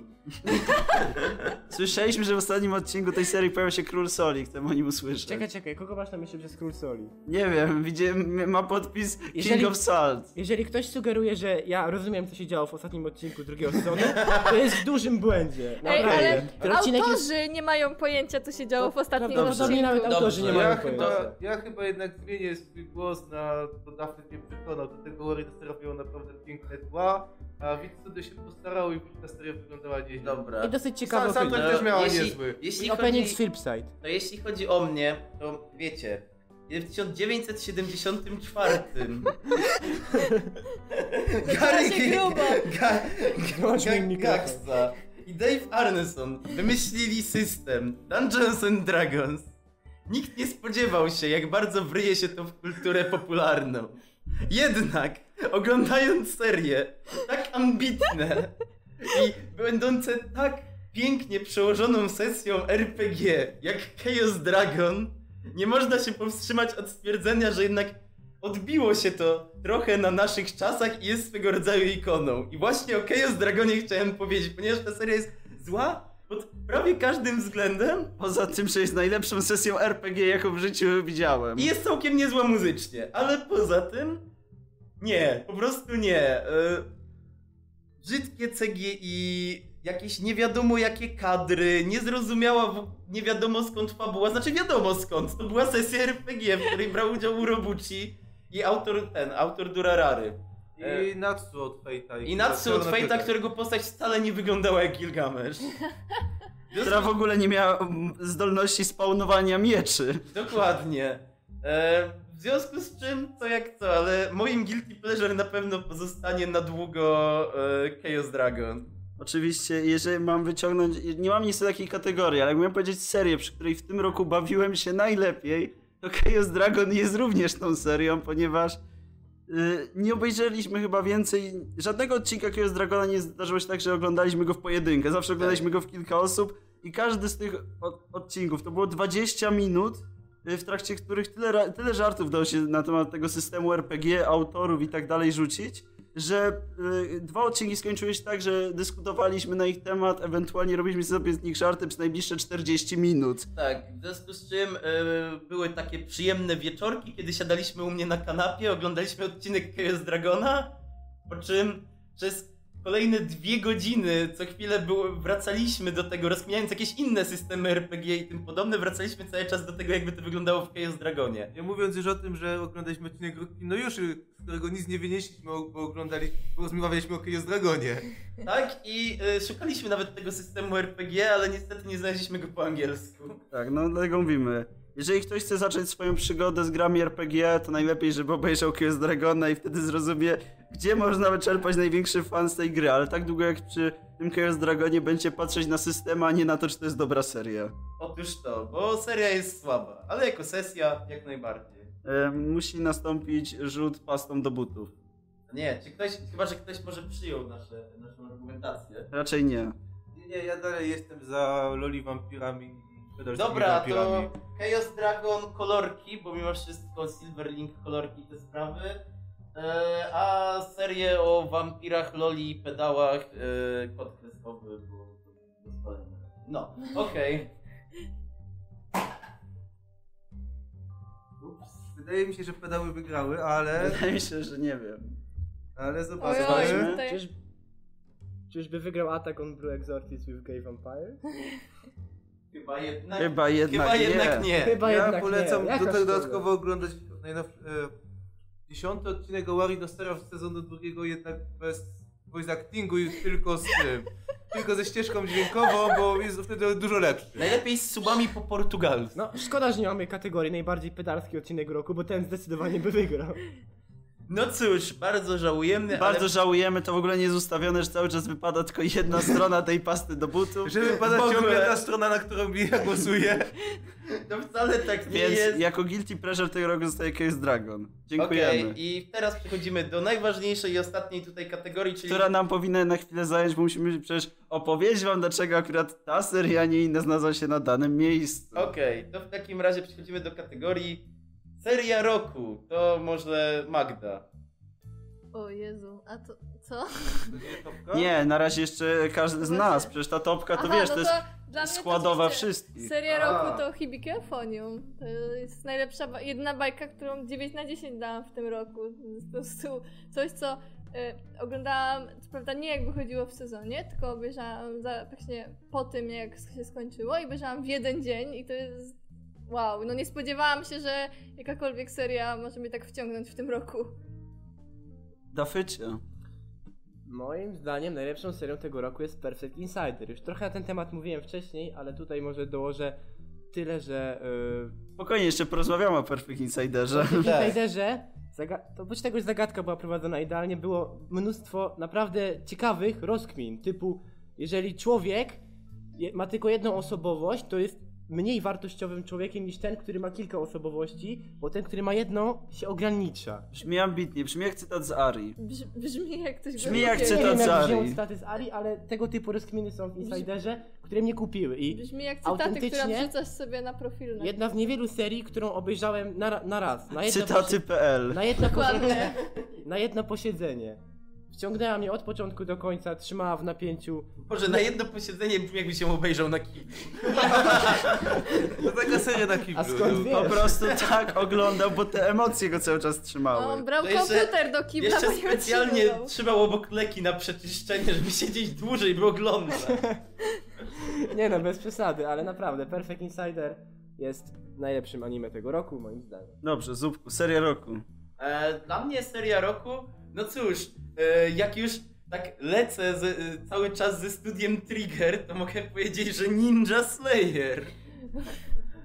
Bo, ej, no przepraszam bardzo, to jest jedna ser- seria w tym roku, której dałem ocenę w Watching i e, jedyna e, seria w ogóle kiedykolwiek, która tak bardzo przypomina Inferno, Cop- Inferno Copa, bardzo szanuję i któremu również dałem 10. W związku z czym, jak najbardziej Ninja Slayer, przepiękna adaptacja, bardzo dobre walki, naprawdę trzyma w napięciu i zaskakuje. I to jest dla mnie najważniejsze. Tomku. No, mam bardzo ciężki wybór pomiędzy Monogatari, bo to Monogatari i Ninja Slayerem, ale chyba jednak Ninja Slayer to anime of the year.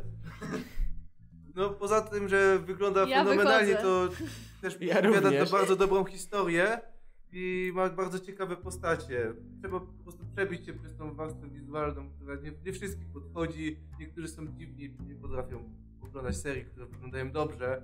Do tego Trigger postarało się, żeby seria miała dobry soundtrack, ma świetny opening, do tego każdy odcinek kończy się innym endingiem, żeby podkreślić to, jak bardzo to każdy odcinek różni się od siebie.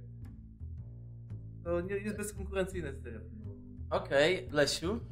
Hipikę eufonium. I w tym momencie chyba będę musiał pójść po kostki, skoro Nie. stwierdziłeś, że to jest Nie, bullshitowe. ja y, powiem wam tak, ja nie mam pojęcia. Wy Zdecydujmy, il, wstawiliśmy zdjęcie na Facebooka, y, ile ma lajków. Czy jest to liczba parzysta, czy nieparzysta, Zupku?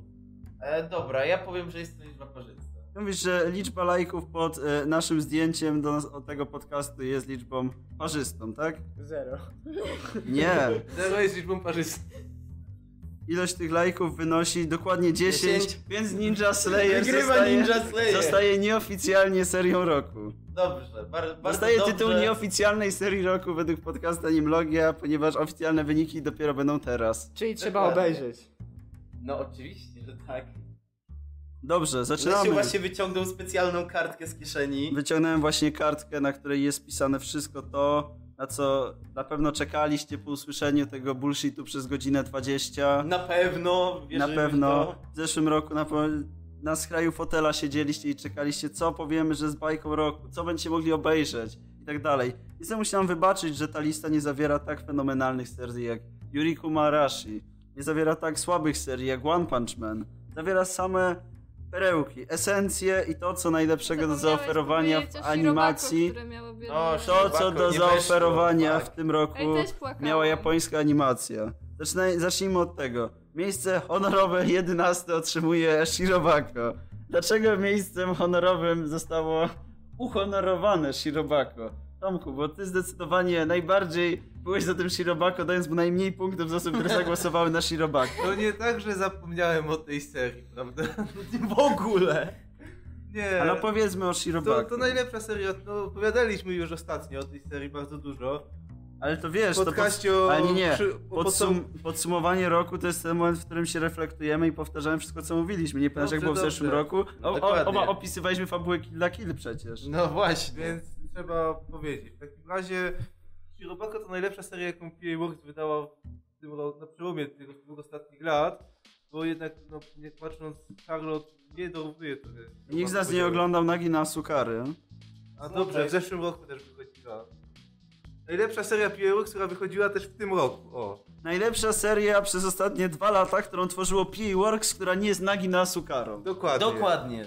Każdy się pod tym podpisze. Nie, no Shirobako bardzo dobrze opowiada to historię o tym, jak tworzy się anime i poszczególnych mm, pracowników studia tworzącego serię trochę otwiera oczy na ten biznes. Poza tym jest naprawdę dobrymi okruchami życia, z niezłą komedią, świetnie wizualnie dopracowana. To, co robi, robi dobrze, czyli na przykład mówi nam, że ej, to jest do zrobienia ciężko i nie damy rady, potrzebujemy jakichś specjalistów, żeby zanimować coś takiego. No i w sumie na koniec odcinka, czy w następnym odcinku pokazują nam, jak to robią, w sensie to jest ciężko zanimować. Więc w następnym odcinku pokażemy wam, jak my to zanimujemy. I jest zanimowane. Okej, ja mam tylko jedno pytanie, bo chyba ci go wcześniej nie zadałem. No. Proste. Co lepiej pokazać, znaczy, y, co jest lepszym ukazaniem rzeczy? Czy Shirobako y, jako anime o anime, czy Bakuman jako anime o mandze? Wydaje mi się, że Shirobako. Ale Shirobako nie jest shonenem. No, Nieważne. Shirobako, bo Bakuman jednak cierpi na to, że to jest shonen o dwóch chłopcach marzycielach, którzy marzą o tym, żeby zrobić bullshitowego shonena i w sumie udaje im się, bo to shonen o dwóch chłopcach marzycielach. Okej, W dobra. Shirobako, no... Spoiler, to nie będzie już spoiler, bo minęły dwa tygodnie. Dobrze. Niestety im też się udaje, ale jakby na to nie patrzeć, jest to dobrze zrobione i nie wszystko się udaje robić co chcą. Okej, e, to w takim razie możemy przejść do miejsca chyba dziesiątego. Chcecie już przechodzić do miejsca dziesiątego? Tak, no chyba, bo nie wiem, czy jest coś więcej. No przecież. Tomek tylko skończył Shirobako. No, nie ma dużo więcej do powiedzenia o tej serii, Okej, prostu w tym momencie robimy déjà vu i powrót do zeszłego roku. Miejsce dziesiąte. JoJo z Bizarre Adventure, Stardust, Crusaders, Egipto, Hen. Proszę bardzo, dlaczego JoJo jest kolejny rok na tej liście? Masz dlatego, że jest JoJo. Ja sądzę, że jako osoba, która dała jako osoba, która dała JoJo najwięcej punktów, Dafyt powinien się wypowiedzieć. Dlaczego, dlaczego JoJo? Ale y, zakładaj, że nasi słuchacze, pomimo tego, że na każdym podcastie mówimy o JoJo, nie wiedzą, czym jest JoJo. Zakładając o tym, że pomimo tego, że mamy zamiar mówić o drugim sezonie, to oni nie wiedzą. Nie, czym nie, jest JoJo. masz im, masz im y, wyjaśnić, czym jest JoJo i polecić tylko Egipto Hen. O Dlaczego Jezu! JoJo? czy, to jest, czy to jest wykonalne? Dlaczego Egiptohen? Hmm. Dwie postacie, które unoszą się na własnej, podczas walki na własnej zajebistości, to jest coś po prostu epickiego. Cały, cały Stardust Crusaders, które przez 52 odcinki dąży do jednego celu i gdy ten cel wreszcie się ziszcza, gdy wreszcie dochodzi do tej jednej oczekiwanej walki, po prostu epickość wy- wyskakuje poza wszystkie możliwe skale. Dlatego właśnie JoJo jest moim zdaniem trzecim najlepszym anime tego roku. Ale zdaniem Animlogi jest dziesiątym najlepszym anime tego roku, Bo tak? się nie znają. Nie, bo, bo ty nie oglądasz bajek. Dokładnie. Dokładnie, taka jest prawda. Więc wiecie, e, e, Egipto Hen zdecydowanie najbardziej kanoniczna, legendarna i niezapomniana walka w historii kultury japońskiej pomiędzy Jotaro a Dio nareszcie ziściła i nareszcie można było zakończyć kres panowania tego straszliwego wampira. Spoiler, Dio na końcu niestety umiera. Przykro No nam. przegrywa. No, tak czasem bywa. Tak, no niestety nie musicie już oglądać JoJo. Wiecie, że na końcu Dio umiera. Koniec, No. smutno. I to drugi part, w którym na końcu umiera Dio. To jest... Nakrywa się walcem i umiera. Dokładnie. Dobrze, e, miejsce dziewiąte. E, Durarara. Durarara! A właściwie jest dobra, chcę Durarara. E, z- no nie mamy podziału ani na ten, ani na show, bo Durarara jednak wchodziła ciągle w tym roku i w sumie każdy następny sezon Durarary jest coraz lepszy, więc tak naprawdę Ken, jak się nazywa? Ketsu? Ketsu. Ketsu będzie prawdopodobnie najlepszym sezonem i ma opening od Flow, ale na razie musimy się pocieszyć tymi dwoma sezonami, które dostaliśmy. Jeżeli ktoś na przykład nie wie, czym jest Durarara, to Durarara, jak wspominaliśmy 185 razy już na tym podcaście, jest wspaniałą historią o mieście. Miasta. A właściwie tylko wycinku, czyli O dzielnicy. dzielnicy. Bohatera zbiorowego mamy Jakim tutaj. jest dzielnica Ikabukuro i w której widzimy tylko grupkę ludzi, tam raptem powiedzmy 30 osób, które żyją sobie w tej dzielnicy i są najważniejsze osoby tej Tak, dzielnicy. oni się tam zajmują jakimiś takimi drobnymi sprawami, jak nie wiem, bycie Prowadzenie lekarzem mafii, prowadzenie Bycie- baru sushi jako były rosyjski e, komandos, Bycie bossem mafii. bycie bossem mafii, bossem gangu, bossem internetowego gangu, bossem kolorowego gangu, Bycie bossem sy- innej mafii, bossem rosyjskiej Bycie, mafii. bycie Dulahanem. Bycie seryjnym mordercą. Bycie seryjnym mordercą, bycie innym seryjnym mordercą, to bieganie z kataną i cięcie ludzi. Bo to samo spotyka, znaczy to, To samo, spotyka spotyka, jak każdego z idziecie nas. na, na Wiecie, zakupy do Biedronki. To jest takie, co kraj to obyczaj. Tam biegają z katanami i jest trochę więcej mafii. Tutaj macie trochę więcej, nie wiem, rzucających się do was dresach, e, dresów na osiedlach i tym podobnych. No, życie jak życie. No, pruszkowskie blachy te sprawy, więc... Shizuo najlepszy dres na osiedlu. No, No. Shizuo najlepszy dres, najpiękniej śpiewa World is Mine. A ka- To Izaja. Izaja Ja, też Izaja, śpiewał. sorry. Że no każdy może, nie wiem, powiedzieć, że Durarara jest o mój Boże, przesadzona seria, co superbohaterowie. Nie, w tym mieście są normalni ludzie, tylko kogo interesuje życie normalnych ludzi, No. normalnych szarych ludzi, Chcecie którzy... normalnych szarych ludzi, Dosłownie oglądacie Slice of szarych Life. Macie tych szarych Dosłownie ludzi. szarych. Jest kilku szarych bohaterów, jak na przykład ten nowy chłopiec Olek, który jest też bossem mafii. No, on jest takim szarym bohaterem, bo on ma On jest tylko takim szarym internetową bossem mafii. Ewentualnie Anri, która jest zwykłą japońską uczennicą, która ma w sobie zakręty magiczny miecz. Najzabawniejsze jest to, że najnormalniejszą postacią, naj, najnormalniej zachowującą się postacią, e, z którą której możemy odczuć najwięcej znaczy sympatii i tak najbardziej się utożsamiać, jest jebany jeździec bez głowy. Dokładnie. Nie wspomnieliśmy jeszcze o siostrach lesbijkach. No ale siostry lesbijki to jest coś, co każdy powinien obejrzeć i to jest bardzo dobrze znany fakt, No tak. po co trzeba o tym W każdej, wspominać. w każdej dzielnicy Wiecie, są ka- siostry ka- lesbijki. każdy ma jakąś supermoc, one są lesbijkami, to No jest ich właśnie. supermoc. I moim zdaniem one mają najlepszą supermoc i najwięcej im to daje. Tak, Bo więc daje im to szczęście. to, co wprowadził ten drugi sezon, to jest moc e, bycia lesbijkami. To zdecydowanie jest najważniejsze. To jest najważniejsze przy power levelowaniu w Durararze, to musimy uznać. Dokładnie, więc e, spodziewajcie się, jak w Ketsu Mikado zostanie lesbijką. To będzie największy power level. Wkrótce. Tak, on, on po kolei, on będzie ewoluował. On będzie teraz silniejszy. Dobra. Um, Miejsce ósme. ósme. Gatchaman Crowds Inside, który nie mam pojęcia jak znalazł się w tym top 10, ponieważ jestem jedyną osobą, która skończyła tą serię, ale inni stwierdzili, że pierwszy był tak fajny, że dlaczego by drugiego tutaj nie umieścić. E, proszę, czy ktoś chce się wypowiedzieć na temat Gatchaman Crowds Inside? Myślę, że Magda by chciała. Sądzę, że Lesiu zrobi to lepiej. E, Zdecydowanie A lepiej. Magda wygląda jakby Najlepiej. czytała właśnie gdzieś na telefonie coś o tej serii. Tak, ja już tutaj Streszczenie przeglądam, odcinku. słuchajcie, bo nie wiem czy... To Magda odpala pierwszy odcinek. Dobrze, tak też myślałem. E, ja już mówiłem na podcaście, bo byłem spóźniony, bo zacząłem oglądać Gatchamana, jak już się skończył. E, drugi sezon robi od pierwszego lepiej, tak jak mniej więcej wszystko. Ma lepsze postacie, ponieważ mamy wszystkie, cały bukiet postaci, które pojawiają się w pierwszym sezonie, które już nie potrzebują marnować czasu na wprowadzenie, na ekspozycję, ani nic w ten desej. Wiemy, co im siedzi w głowie, e, co uważają i jak będą postępować w obliczu wydarzeń drugiego sezonu. Drugi sezon fabularnie również jest lepszy, no bo jednak pierwszy jedyne na czym się skupia to walka ze śmiesznym kosmitą, który zamienia się w ludzi i robi problemy. Wydźwięk pierwszego sezonu, ej, weźmy ludzi, oni się zbiorą i pokonamy złego kosmitę, bo siła tłumu jest fajna. Wydźwięk drugiego sezonu, ej, zbierzmy ludzi, oni zrobią coś złego. Jak ograniczyć, jak ograniczyć tym ludziom możliwości zrobienia czegoś? Okej, zróbmy y, sobie wybory prezydenckie. O, w wyborach prezydenckich wygrywa kosmita. Hmm, znowu trzeba walczyć z kosmitą, tylko teraz on jest prezydentem. No, to też jest większy problem i praktycznie cały drugi sezon dotyczy tego, jak trzeba tym szarym ludziom tłumaczyć, że ej, zobaczcie, ten gość jest zły, tak naprawdę on wam obiecał, że będzie wszystko lepiej, tylko że on nie ma pojęcia, gdzie gospodarka, nie wie nawet, jak działają ludzie i tak dalej, ale Ej, to, on... to jest kolejne anime o Polsce. Dokładnie. Po prostu mamy kosmitę, który obiecał wszystko i e, mamy głównych bohaterów, którzy są super bohaterami. E, Jak super bohaterowie działają? Próbują obalić rząd. No, logiczne.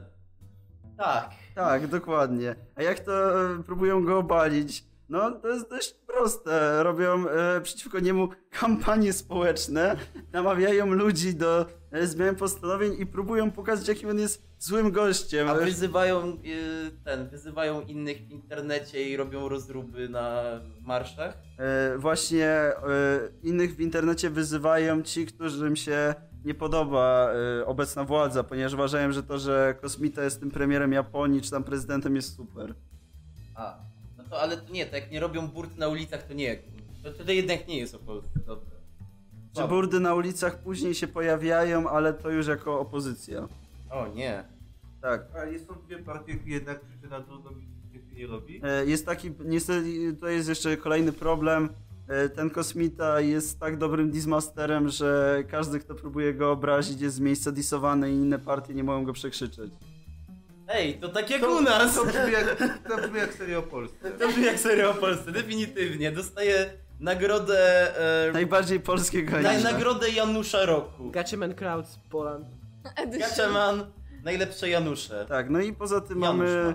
naprawdę to, co Dafyt tam mówił przy Perfect Insiderze, są super rozkminy, które były już w pierwszym Gatchamanie. Tak naprawdę Achinose pojawia się w drugim sezonie dużo mniej niż w pierwszym, bo główną bohaterką jest nowa postać Tsubasa, która jest właśnie orędowniczką tych idei wspaniałego kosmity, bo uważa go za guy'a, więc pomaga mu zostać prezydentem, a potem jest jego asystentką. I ona jest tak naprawdę głównym bohaterem, jest równocześnie Gatchamanem, ale Hachinose ma jedno zadanie. Pojawia się, ratuje sytuację, rzuca jakimś głupim tekstem, który jest bardzo inteligentny, ale jest banalny w swojej prostocie i znika na najbliższe 10 minut odcinka.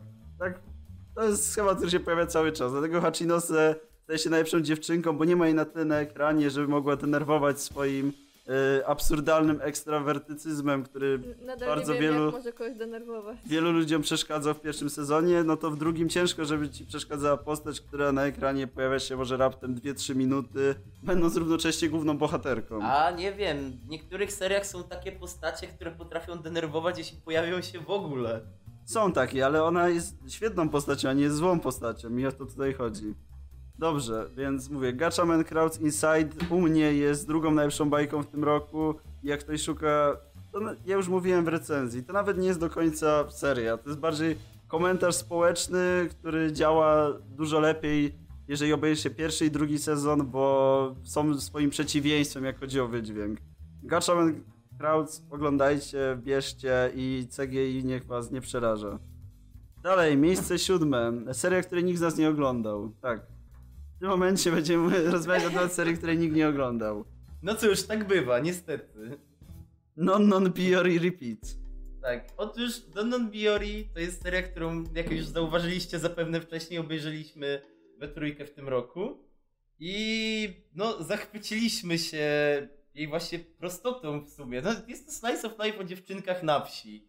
I pomimo tego, iż mieliśmy takie e, bardzo omylne wrażenie, jak ta seria wygląda, ze wszystkich memów i e, ludzi, którzy się nią jarali, czyli y, Lesiu myślał, że to fanserwis dla lolikonów, ja myślałem, że to y, takie Nichijo, tylko dziejące się na wsi, które jest mega głupie i nie trzyma się kupy. Nie wiem, co myślał Tomasz.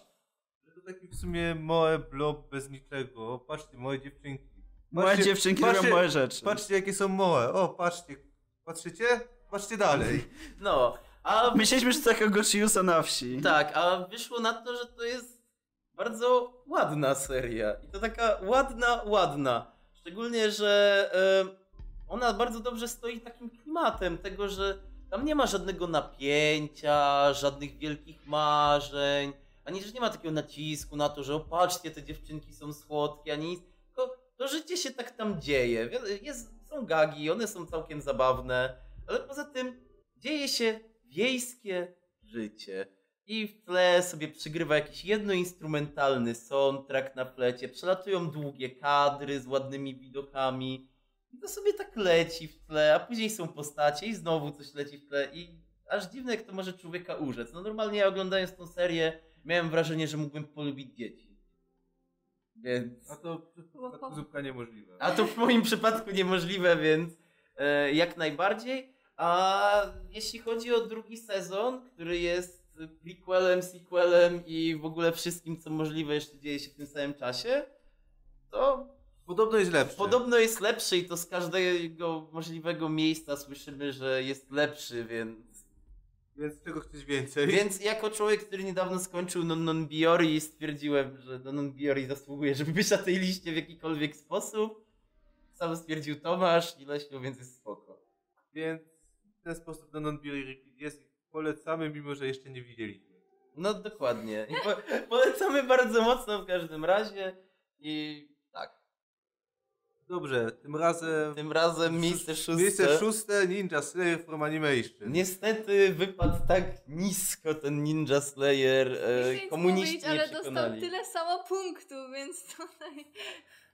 Nie, nie, nie. Ninja Slayer nie dostał Nie- nie tyle dostał samo punktów.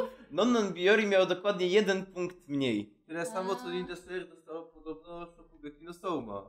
Ale- Podobno, są takie, krążą takie legendy, ale czy tak było, to się przekonamy. Dobrze, Tomku, czemu, jak myślisz, może dlaczego tak nisko? Dlaczego komuniści nie przekonali? Czy, trzeba, zauwa- czy trzeba powiedzieć, że chyba jednymi osobami, które głosowały na Ninja Slayera jest Tomasz i Zubek. No, prawdopodobnie tak było, ponieważ zarówno dla mnie i dla Zupka to była najlepsza seria w tym roku. Dokładnie. Jeżeli ktokolwiek jeszcze by zagłosował, to To odmieniłby losy historii. i Studio Trigger znowu by zwyciężyło. Dokładnie, jesteśmy zawiedzeni waszą postawą i to bardzo mocno. Jak mogli się Dobrze, dobrze, opowiadajcie dalej, no.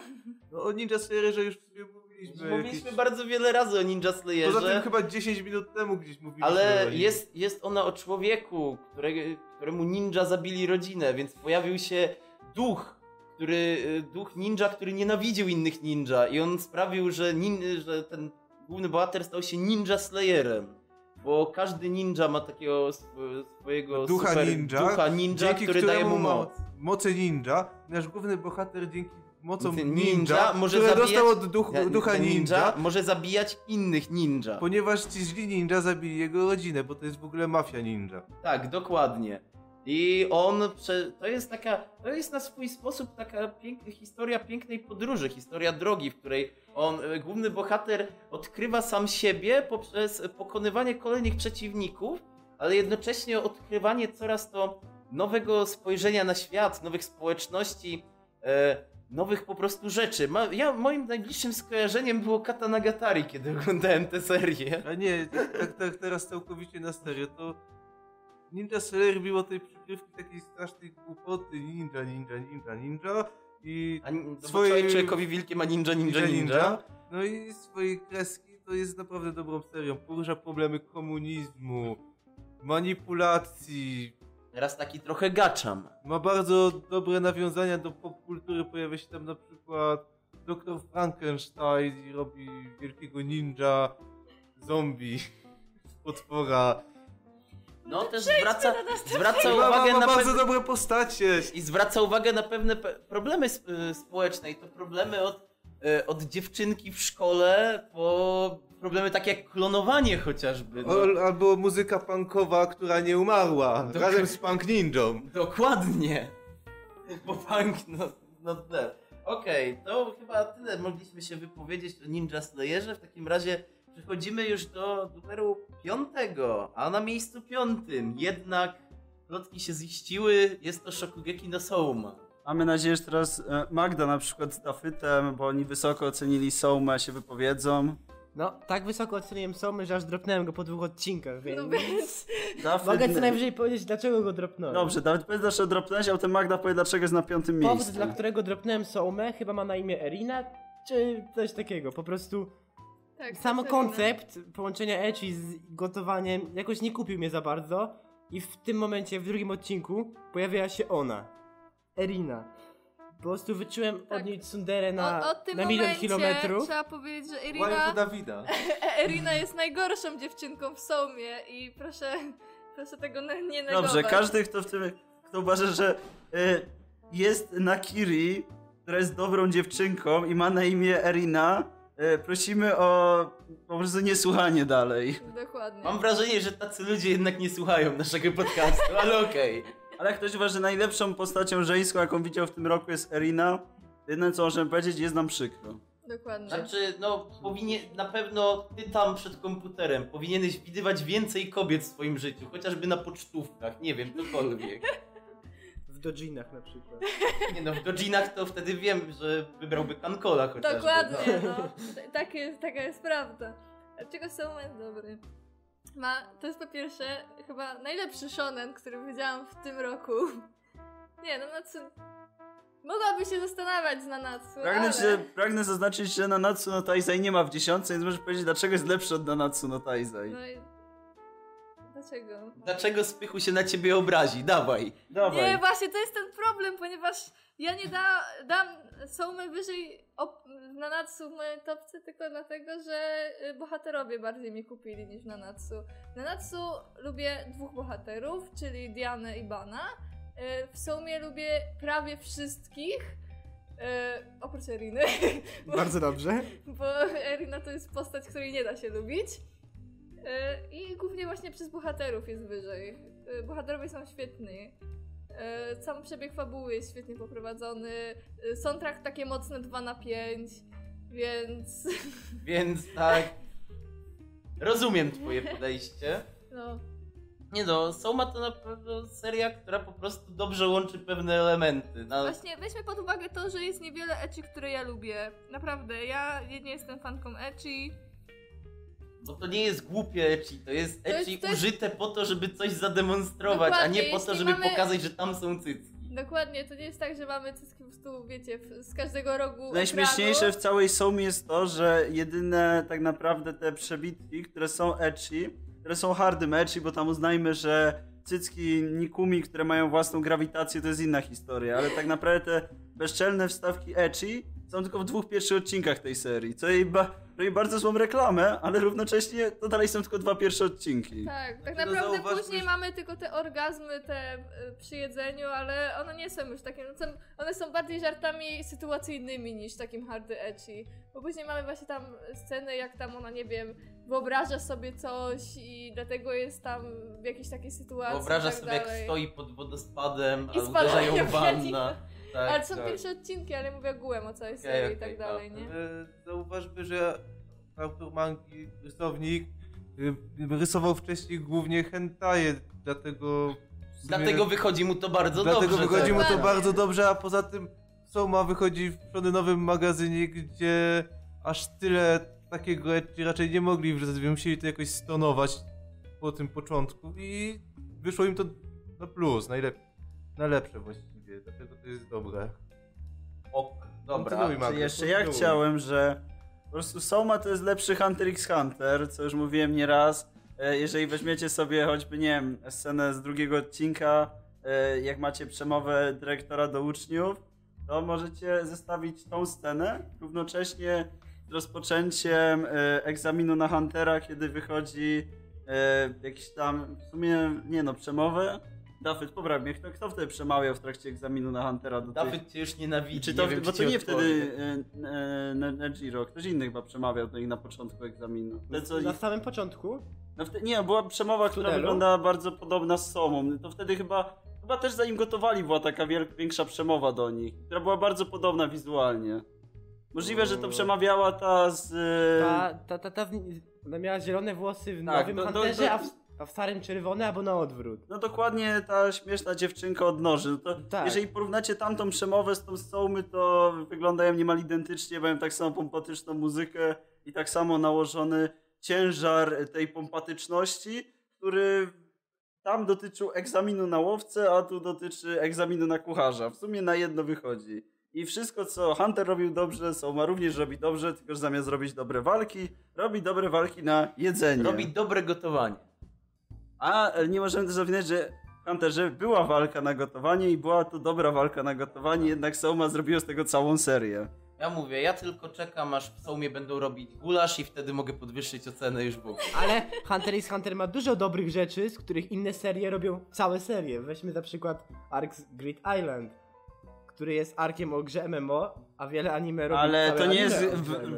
wróć, wróć, to nie jest gra, to jest karcianka, która polega na zdobywaniu kart i wydawaniu pieniędzy na karty. Ale O, koncept jest bardzo podobny. Trochę brzmi jak Magic the Gathering, ale The nie wiem. Animation. Bardzo zbliżony, w którym Magic mamy, the Gathering The Animation. mamy bohaterów, którzy przenoszą się do innego świata, który jest światem, w, panują, w którym panują reguły w, jak- w jakiejś grze. Karciany. Czy chcesz powiedzieć, że w naszym świecie nie panują żadne reguły? Mm, a nie? Ale nie niż. A, z- a o, tak, o czymś takim jak prawa fizyki to ty żeś słyszał? Ale, ale to jest top 10 tego roku, nie mówmy o słabych seriach od Madhouse'u. Miejsce Dobrze. czwarte. Akagami no Shiroyuki Hime, Dafyt. Y, Zaprosiliśmy do tego podcastu tylko po to, żebyś mógł nam wyjaśnić, dlaczego Akagami no Shiroyuki Hime to czwarta najlepsza bajka w tym roku i dlaczego Bones uratowało w tym roku anime i samych siebie. Dobrze, to może zaczniemy od początku. Czym w ogóle jest Akagami no Shirayuki Hime? Bo Ej, wiem, że chaos. są ludzie, Okej, to, są ludzie, to my którzy... idziemy po ciastka, a Dafy to powiada. Dobrze, Dafyt zaczynaj. Dobrze, Akagami no Shirayuki Hime jest o dziewczynie, która jest zupełnie zwykłą dziewczyną, która ma zupełnie zwykłe marzenie, po prostu chce zostać zie- zielarką, tak? Herbalista na polski zielarka. Tak, tak, tak. Tak. E, Z tego co widzimy tam w drugim czy w trzecim odcinku, bardziej bym stwierdzał, że ona chce zostać dealerem narkotyków, ale, Ale- trzymajmy się, że zielarką. Załóżmy, Ale że jest zupełnie jest ziele. zwykłą dziewczynką, Słuchaj. która ma kolor włosów jak Ale jedna do- na milion. Do tego jeszcze nie doszedłem. Dobrze. I wszystko w niej jest zupełnie zwyczajne, oprócz tego, że ma czerwone włosy. Jakby czerwone włosy były czymś niesamowitym. Tak, w tamtym świecie, w którym dzieje się akcja, czerwone włosy są czymś niesamowitym. Teraz ludzi też nie są czymś niesamowitym. Znaczy mam wrażenie, że ludzie, którzy mają sposób. naturalnie czerwone, ale takie naprawdę czerwone, a nie rude włosy, mogłyby też u nas... A uważasz, że No- Mitsuhide, który ma niebieskie włosy, jest No normalny? właśnie, to, to że czerwone włosy są, dziw, są dziwne, ale już Ale- niebieskie, zielone czy... Albo białe włosy Zena, to Dokładnie, to, to całkiem normalnego. normalne. No, ale- dokładnie. Okej. To jest coś, to jest ciekawy motyw, w którym bohaterka jest wyjątkowa tylko i wyłącznie przez kolor włosów, nie przez żadne supermoce, nie przez swój jakiś cudownie, wybitnie interesujący charakter, po prostu tylko przez kolor włosów. I zaczyna się akcja na tym, że książek w kraju, w którym mieszka Shirayuki, pragnie ją za żonę, bo, bo ma czerwone włosy. Bo tak, bo może, bo jest księciem. No i Shirayuki nie chce tego, ucieka do innego kraju, w którym poznaje zupełnie przypadkowo Zena, który później okazuje się księciem tamtego kraju. No i jako, że Shirayuki i Zen, tak jak już wspomniałem, to jest moja ulubiona para tego roku, zaprzyjaźniają się ze sobą i Zen pozwala Shirayuki dołączyć do... Przejść przez egzamin na królewskiego zielarza? Pałacowego zielarza? Boże, królewski zielarz brzmi tak Królewski, źle. nie, nie, królewski zielarz Nie, nie, brzmi tłumaczenie- tak edgy, to taki, wyobrażasz sobie takiego, wiesz, typowego druida, który zbiera sadzonki i robi z nich trucizny ale- i Ale nie, to nie, to, jest ona miała kiedyś kaptur, więc to wygląda jak jakiś drechol po prostu w kapturze Ej, tak, ale po prostu ej, teraz mam sobie wyobraziłem taką typową edgy serię, gdzie masz zamek Camelot i każdy jest edgy szermierzem i wychodzi królewski zielarz i to jest właśnie ten druid, ale on jednocześnie, wiesz, ma jakieś skille, że może rzucać w ciebie, kurwa, nie wiem, mandragorą i ogłuszać, czy coś w tym No, stylu. mnie się tylko skojarzyło z Okej. państwowym alchemikiem. Zdecydowanie najlepszy skill Extreme, rzut mandragorą, to jest mój ulubiony skill w jakimkolwiek systemie Tak, RPG. Dokładnie. Stunowanie mandragorą. Może doczekamy się w drugim stanie Shirayuki, ale zobaczymy. W końcu jest królewskim zielarzem. No. Co i co czyni Shirayuki tak, tak moim, moim zdaniem, dobrym tytułem? Klimat. Klimat, uniwersum, y, relacje tworzone przez postacie, same postacie, ich charaktery, ich, to, to, to jak ich relacje postępują wraz z rozwojem fabuły jest czymś, co stawia tę serię bardzo wysoko. Graficznie jest naprawdę świetnie. Dużo rozmaitych kolorów. Nie żebym się znał na grafice w anime czy coś tutaj Ale, bardziej ale każdy, każdy widzi, że jest zdecydowanie zajebiście Tak. wyglądający. Shrek jest co to brakuje odrobiny głębi, ale to... Ale przy tak wygląda... E, pierwszy odcinek Akagami wizualnie stoi na wyższym poziomie niż dowolny film Bones, dowolny e, film czterech stopni, czy te, czyli te śmieszne filmy Magdy, co ona tam ogląda od tego śmiesznego artysty, który robi, potrafi robić tylko filmy, które udaje, że ładnie wyglądają. Już o filmach Madhouse'u nie one wspominając. ładnie wyglądają, tylko że ziomek ma fetysz chmur, no to nie moje No proszę wina. cię, ale wszystkie wyglądały gorzej niż pierwszy odcinek Akagami no Shiroyuki Hime. Znaczy może w ten Eee, sposób, nie. jeśli ktoś by uważał, że Akagami no Shiroyuki Hime nie wygląda dobrze, To prawdopodobnie uważasz, że Erina jest najlepszą dziewczynką tak, w tym roku. dokładnie, a, ale to jest bardzo prosto to sobie uświadomić. Wy, wybierasz sobie po prostu serię, która wyglądała źle, a ma bardzo podobną scenę, czyli bierzesz Rokka Nojusza i jazdę po lesie i wtedy oglądasz sobie jazdę po lesie w Rokka Nojusza i oglądasz jazdę po lesie w Akagami. I porównujesz to przesuwające się rozmazane zielone tło z koniem w CGI do pięknych kadrów, jakie są w Shireuki. No. Generalnie, jeżeli ktoś nie lubi takich klimatów, że jest, jest książek, który chce księżniczkę. To jest taka typowa seria shoujo. I no. jeżeli ktoś nie lubi takich klimatów, to na, nie będzie czerpał przyjemności z Shirayuki, choćby nie wiadomo jak było ładne. Ale wiesz, to też jest ten co problem, tam nie który, działo. a na przykład z Guren Laganem, ktoś ci może powiedzieć, ej, ja nie oglądam żadnych mechów, ale Guren Lagan jest najlepszą serią mecha, więc ludzie są w stanie się Ale na Guren przy mecha Lagana. tak to wygląda, bo W przypadku Shirayuki, ale nie, bo Guren Lagan nie licząc tam naprawdę fra- nie- pewnych rzeczy, których to już są bardzo głęboko tam wchodząc, jest normalną serią mecha i tak samo Shirayuki jest w sumie najlepszym przykładem serii shoujo, którą lightowo można polecić ludziom, którzy nie oglądają Mi serii raczej- shoujo. Ale tu chyba raczej chodzi o to, że o sposób przekazywania fabuły, w sensie, że bardziej zwracasz uwagę na to, co się dzieje, że, że to, co się dzieje, jest lepsze niż to, y, niż sposób, w jaki to przekazujesz. I na przykład to tak wygląda w Gurren Laganie, że to przekazujesz przez mechy, ale to, co się dzieje, jest fajne. Więc y, możesz pominąć sobie te mechy, bo one nie grają pierwszych skrzypiec. I tutaj, no to nie jest typowe shoujo, to nie jest shoujo, w którym masz tą panienkę, i właśnie o tu- Boże, tak. ona nie wie co zrobić i, I w tym momencie- facetów, w których każdy jest zakochany. I w tym momencie pokazuje się wyższość Shirayuki nad przeciętnymi shoujo. Bohaterka, która nie jest taką typową nieudacznicą, bohaterka, która czeka może- na swojego księcia, nic nie potrafi zrobić. Tylko Shirayuki, kiedy trzeba, bierze sprawę w własne ręce. Kiedy trzeba wyskoczyć z 10-metrowej wieży do wody, to po... ona się nie zastanawia, ona to po prostu robi. Dokładnie, to jest Jacka. No.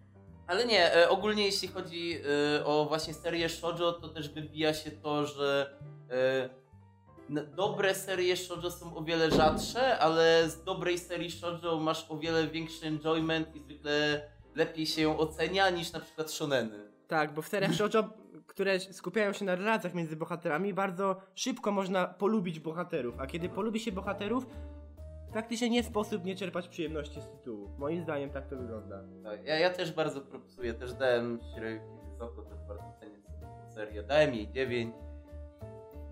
Za Więcej klimat zagraj. bohaterów. Dokładnie.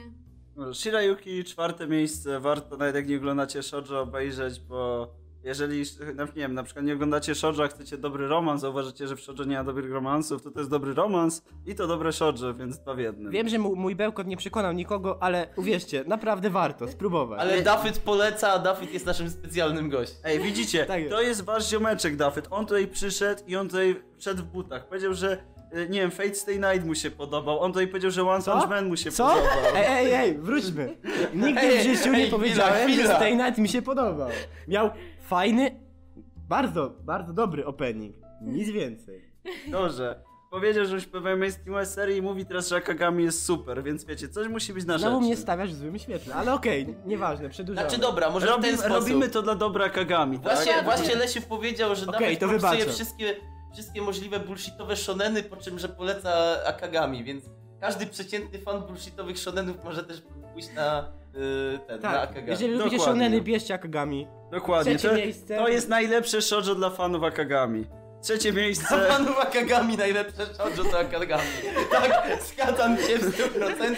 Najlepszym shoujo dla fanów Akagami będzie drugi sezon, który wychodzi w przyszłym sezonie. Tak, tak, tak jest. Tak też uważam. Okej, Otóż dobra, pozamiatane. Jeden- Jeden, Koniec. 11 styczeń. Dokładnie, więc no, to jest jak wiele rzeczy w tym podcaście. Nie możecie e, powiedzieć, że w tym zdaniu nie było logiki, ono po prostu było bez sensu. Ono nie było bez sensu, tylko po prostu Lesiu nie powiedział w nim całej prawdy. Dokładnie. Bo, e, nie, nie dopowiedziałem, że chodzi o drugi sezon. Dokładnie. dalej. Dobrze, wszystko jest F, idealny wewnętrzniacz, czyli Subette GF Ninarimasu The Perfect Insider. Seria, której, po której nie oczekiwaliśmy nic. Myśleliśmy, że nic nie dostaniemy, a dostaliśmy najlepszą serię misterii, jaka powstała. Zdecydowanie czarny koń roku i czarny koń gatunku może Ale nawet? nie, nie wiem, nie ma gatunku. Nie, wiem, nie. wiem, czy, czy pytanie, czy powstała lepsza seria misterii kiedykolwiek? Czy nie Anim, wiem, animowana. Ja nie znam. Ej, Ja bym kuj... powiedział, że mogła powstać, ale nie znam. Dokładnie. Czy ty Subek znasz jakąś? Jakieś monstery Dobra, i może, tak w, te, dalej. może w ten sposób. Czy Lane miał w tagach Mystery? Wątpię, dobra, nie, to no nie. mogło mieć. Tak samo jakiś monster też mógł mieć. No dobrze, ale- to- Chodzi, do ale końca przede wszystkim tak seria, mistery. Ale seria oparta o rozwiązywanie zagadki. Monster jest o szukaniu e, obłąkanego dziecka, ewentualnie obłąkanego dziecka, które szuka na, le, lekarza, A Lane jest Czyli po prostu przekazem kryminał. o tym, jak społeczeństwo się zmienia, więc też możemy to odpuścić. Więc jeżeli chodzi o rozwiązywanie zagadek, jest to najlepsza seria animowana, jaką w 5 Chyba, że osób. detektyw Conan. Jaką w 5 osób widzieliśmy, pomijamy to, co Tomek powiedział. Pomijamy zdanie Tomka. Dokładnie. Ale ja żartowałem. To, z- to jest nagrane, że tak powiedziałeś i tak No. Tak. E, tak jak mu- zaczynał Dafyt, e, Perfect Insider e, świetnie buduje jakąś tam... E, na początku wydaje się, że jest bardzo grubymi nićmi szyty. Pierwszy odcinek jest o niczym. E, mamy wprowadzenie do głównych bohaterów, jest tam jeden koleś, co wykłada na uniwersytecie, jest jego uczennica i oni sobie gadają na temat sensu życia, ciastek i jego koszulki. Tak wygląda pierwszy odcinek, brzmi super. Drugi odcinek płyniemy łódką. No, jeżeli komuś się podoba obecnie Berserk, zanim zeszli z tej łódki, to na Tak. pewno była to seria, na pewno drugi odcinek jest dla fanów Berserka. Trzeci odcinek, no, coś tam zaczęło się dziać, o nawet na końcu był trup. W pierwszym, w trzecim odcinku dopiero zaczyna się cała zagadka. Tak, no bo na samym końcu trzeciego odcinka mamy w końcu trupa. I jest trup, musimy dojść do tego, kto zabił, jak zabił, po co zabił i dlaczego tak naprawdę znalazł czas, sens i zabijać laskę, która 15 lat była zamknięta w jednym Tak, i pokoju. Dlaczego tak w ten, a nie inny sposób? Tak. Sensu praktycznie wydaje nam się, ej, to nie ma żadnego. Po co? Jak? Ale jeżeli zaczniemy sobie serię dalej oglądać i będziemy się przebijać przez tony intelektualnego bullshitu, bo ja rozumiem, że niektórym mogą przeszkadzać e, dialogi, a właściwie ich ilość i to tak naprawdę Perfect Insider ma strasznie banalny przekaz w bardzo trudnych dialogach. Tam te wszystkie pieprzenia, co, o których mówił Dafyt, że osobowości i tak dalej, to wszystko się tam sprowadza do tego, że co czyni człowieka? No, człowieka czyni to, że pamiętasz, że był taki człowiek i tak dalej, a mamy o tym pół odcinka i tłumaczenie jakichś tam zawiłości fabularnych. To uznajmy, że tam jest przekombinowane minimalnie, ale nadaje ten klimat i tą tajemniczość, że oni rozmawiają o tak prostych rzeczach w tak skomplikowany sposób. Według mnie to jest... Einstein nie byłby z nich To dumny. jest jeden z czynników, który trzyma, trzyma zainteresowanie przy tej serii, bo sama zagadka, znaczy sama zagadka jest bardzo Ej, dobra, Jeden z ale... tych czynników, tak się zastanawiasz, czemu oni tak pierdolą o takich prostych rzeczach? Mogę to streścić w dwóch zdaniach, ale czemu oni to tak rozwijają? W tym musi coś być, coś głębszego, szukajmy między wierszami. Tak, jeżeli ktoś właśnie lubi szukać sensu w skomplikowanych dialogach, to na pewno nie będzie się nudził przy tym tytule. Ja próbowałem, przy niektórych znalazłem, ale niektóre mnie nawet... nawet Powiedzmy nie tak, Perfect Insider, jak chodzi o dialogi, to miejscami. Bo teraz mówimy o minusie, bo wszystko w tej serii gra. Ja, powiedzmy sobie w tym miejscu. W tej serii gra muzyka, wizualnie jest to najładniejsza seria Iwanu w tym roku. Jak chodzi o opening, jest to fenomenalny opening. Jak chodzi o ending, jest to fenomenalny ending. Postaci są super napisane. Wszystko w tej serii jest super. Teraz już tylko zostaliśmy przy tych dialogach. Yy, Bo akurat do fabuły nie będziemy się rozwodzić, bo to co się dzieje w Perfect Insiderze to warto samemu odkrywać i tak dalej. Yy, A to co było jeszcze przy tych dialogach, to są rozmowy te sztuka dla sztuki w porównaniu do takiego monogatari. Bo monogatari z trudnym językiem, yy, bullshitem i tak dalej wyjaśnia najprostsze rzeczy, ale robi to w jakimś celu. To jest po prostu nishi o ishi, no nie potrafi inaczej. Ale jeżeli patrzymy Taki na się Perfect... urodzi. Tak, a Perfect Insider próbuje być monogatari bardzo często, nie zawsze mu się to udaje i te dialogi to jest w sumie jedyne to jest przekombinowane w tej serii, bo zagadka, choć dla niektórych może się wydawać przekombinowana, nie jest. Dziękujemy. Nie, po prostu jak powiedziałeś, że on już tak ma, to padło mi do głowy, że e, pierwsze słowo i na zasadzie powiedz chleb, a on zaczął wymieniać jak się robi mąkę i tak dalej, ale nie powiedział samego słowa chleb, bo to byłoby za proste. Dokładnie. Okej. e, Dobrze, ope- nie możemy po prostu mówić nic o fabule i zawiłościach, to jest dla was. Perfect Insider dla was. Drugie Doda- miejsce. Dodajmy do tego, że Perfect Insider nie jest takim typowym animowym stylem, więc spokojnie można go obejrzeć, mimo że nie, nie za bardzo się przypada za anime. I Nie dlatego tam- słuchacie podcastu anime. Dokładnie. I Ale przy ale możecie- to jak słuchacie naszego komuś- podcastu, trzeba napomnieć najważniejszą rzecz, którą napominamy zawsze. Robi go Studio A1, ale to dalej wygląda dobrze. Nie no, to co jest tutaj jeszcze na koniec, jak już dawno powiedział. Ja tą serię polecałem kilku znajomym, którzy w ogóle nie oglądają anime i każdy siadał, obejrzał trzy odcinki, stwierdzał mech, mówię obejrz jeszcze jeden. oglądali do czwartego i od tego momentu każdy ogląda już co tydzień nowe odcinki Perfect Insidera. Próbowałem to zrobić z wieloma seriami, ale tylko Insider tak zadziałał. Polecenie tej serii znajduje się również w pewnym artykule na stronie kaperaptor.pl. Polecamy. Właśnie, I właśnie do tego nawiązywałem. Okej, dobra. Woda, Może przejść... No, dziękuję, że reklamę. Sprawy. Okej, okej. E, Miejsce drugie. O, Okej, kole- sens. kolejne studio Bones. Kolejny bon.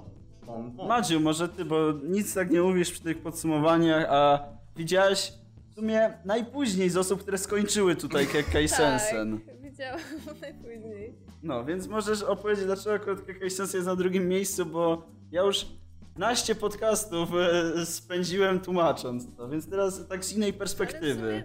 teraz na Trzeba zrobić takie sklejanie tego wszystkiego, co mówisz o Kekkai Sensen na ostatnich pięciu czy sześciu podcastach. No Nie, nie, od początku roku jak mówił, że to się nie uda i że to Tak. będzie bullshit. Taka Dokładnie. historia, historia oceny Kekkai Sensen. Historia mojej zmiany podejścia do Kekkai Sensen to na książkę Ale w zasługuje. sumie na tym podcaście też już mówiłeś o Kekkai Sensen, to ja mogę tylko powiedzieć Dlatego, o tym... no dlatego Lesiu teraz nie mówi o Kekkai Ale Sensen, właśnie tylko chodzi- ty będziesz o tym Ale ja mówił. wiem o tym, tylko mówię, że w sumie tak podsumowując to wszystko, co mogłam powiedzieć, co mi się najbardziej podoba w Kekkai Sensen, to oprócz tego, że wygląda świetnie, oprócz tego, że Ost to jest jakieś 15 na 10 i słucham go codziennie, y, oprócz tego, że postacie też są cudowne, a Klaus to jest najlepsza postać, jaka po prostu była w tym anime. Y, Hmm, co mogę jeszcze powiedzieć o tej serii? No po prostu ja byłam kompletnie zaskoczona, ponieważ nie zabierałam się za tą serię tylko dlatego, że po prostu zaczęłam, o czym ma być ta seria i kompletnie mnie nie pulszyła, po czym tak, właśnie mi to Lesiu napisał, że ten, że ej, to jest fajna seria i możesz obejrzeć ze mną. I w sumie ja oglądałam ją z Lesiem jeszcze raz, bo nie będzie watchował i... I no, zrobię to jeszcze nie raz. tak, i w sumie, no ja byłam całkowicie zaskoczona, bo po pierwszym odcinku, no, no spoko, no okej, po drugim odcinku wow, po trzecim odcinku wow, wow. I potem leciało już tak dalej. Szczególnie jak wchodził Ost, który po prostu, no zapamiętam naprawdę długo, on jest prześwietny i to co robi Bones w tym, z tą serią było świetne. Nie spodziewałam się po czymś takim, znaczy nie spodziewałam się ogółem po tej serii, że wywoła na mnie takie wrażenie. Jeśli miałabym po prostu dać ją do, nie wiem, do trzech serii, które wywołały największe wrażenie na mnie w tym roku i po których niewiele się spodziewałam, a wyszły świetnie, to właśnie byłoby Kekai Sensen, Perfect Cider i chyba Kagami. Bo ja się nie mylę. Ja się wolę nie wypowiadać, bo ja w każdym sezonie jestem zafascynowany tym, jak bajka, którą spisuję na straty jest dobra, więc e, bałem się tylko jed- jednej rzeczy. Na szczęście udało mi się. Zawsze bajka, którą spisuję na straty okazuje się zajebista. W przypadku gangsty mi się udało. No, ale pomijając to, to odkąd Lesiu usłyszał po raz pierwszy o No Game No Life, sprawdza się to cały czas. Tak, od No. Game No Live jest to moja lista, że zawsze seria, którą mówię, że się nie uda i nie będę jej oglądał, okazuje się najlepszą serią sezonu. Tak. E, a właśnie tutaj, a tutaj szkoda, bo tylko przy Kekkai Sensen zgodziłem się z Lesiem, a tak za każdym razem mówiłem, że nie, no daj spokój, wygląda fajnie. Więc Kekai Sens największe zaskoczenie i największy zwycięzca tego roku jak dla mnie, bo to była tak naprawdę seria, która była punktem zwrotnym tego, że Bond zrobiło trzy dobre bajki z rzędu, jak mieli problem zrobić wcześniej przez dwa lata dobrą bajkę. No bo uznajmy, że Noragami, Aragato to, no to jest błąd przy tej pracy. Oni włożyli dużo pracy w to i niestety musieli zarobić na to, że zrobili dobre bajki, bo Concrete Revolution zaryzykuję stwierdzeniem, że pomimo tego, że zapowiedzieli drugi sezon, pomimo tego, że robi go Genu Robuchi, to jednak ta seria się może nie sprzedać.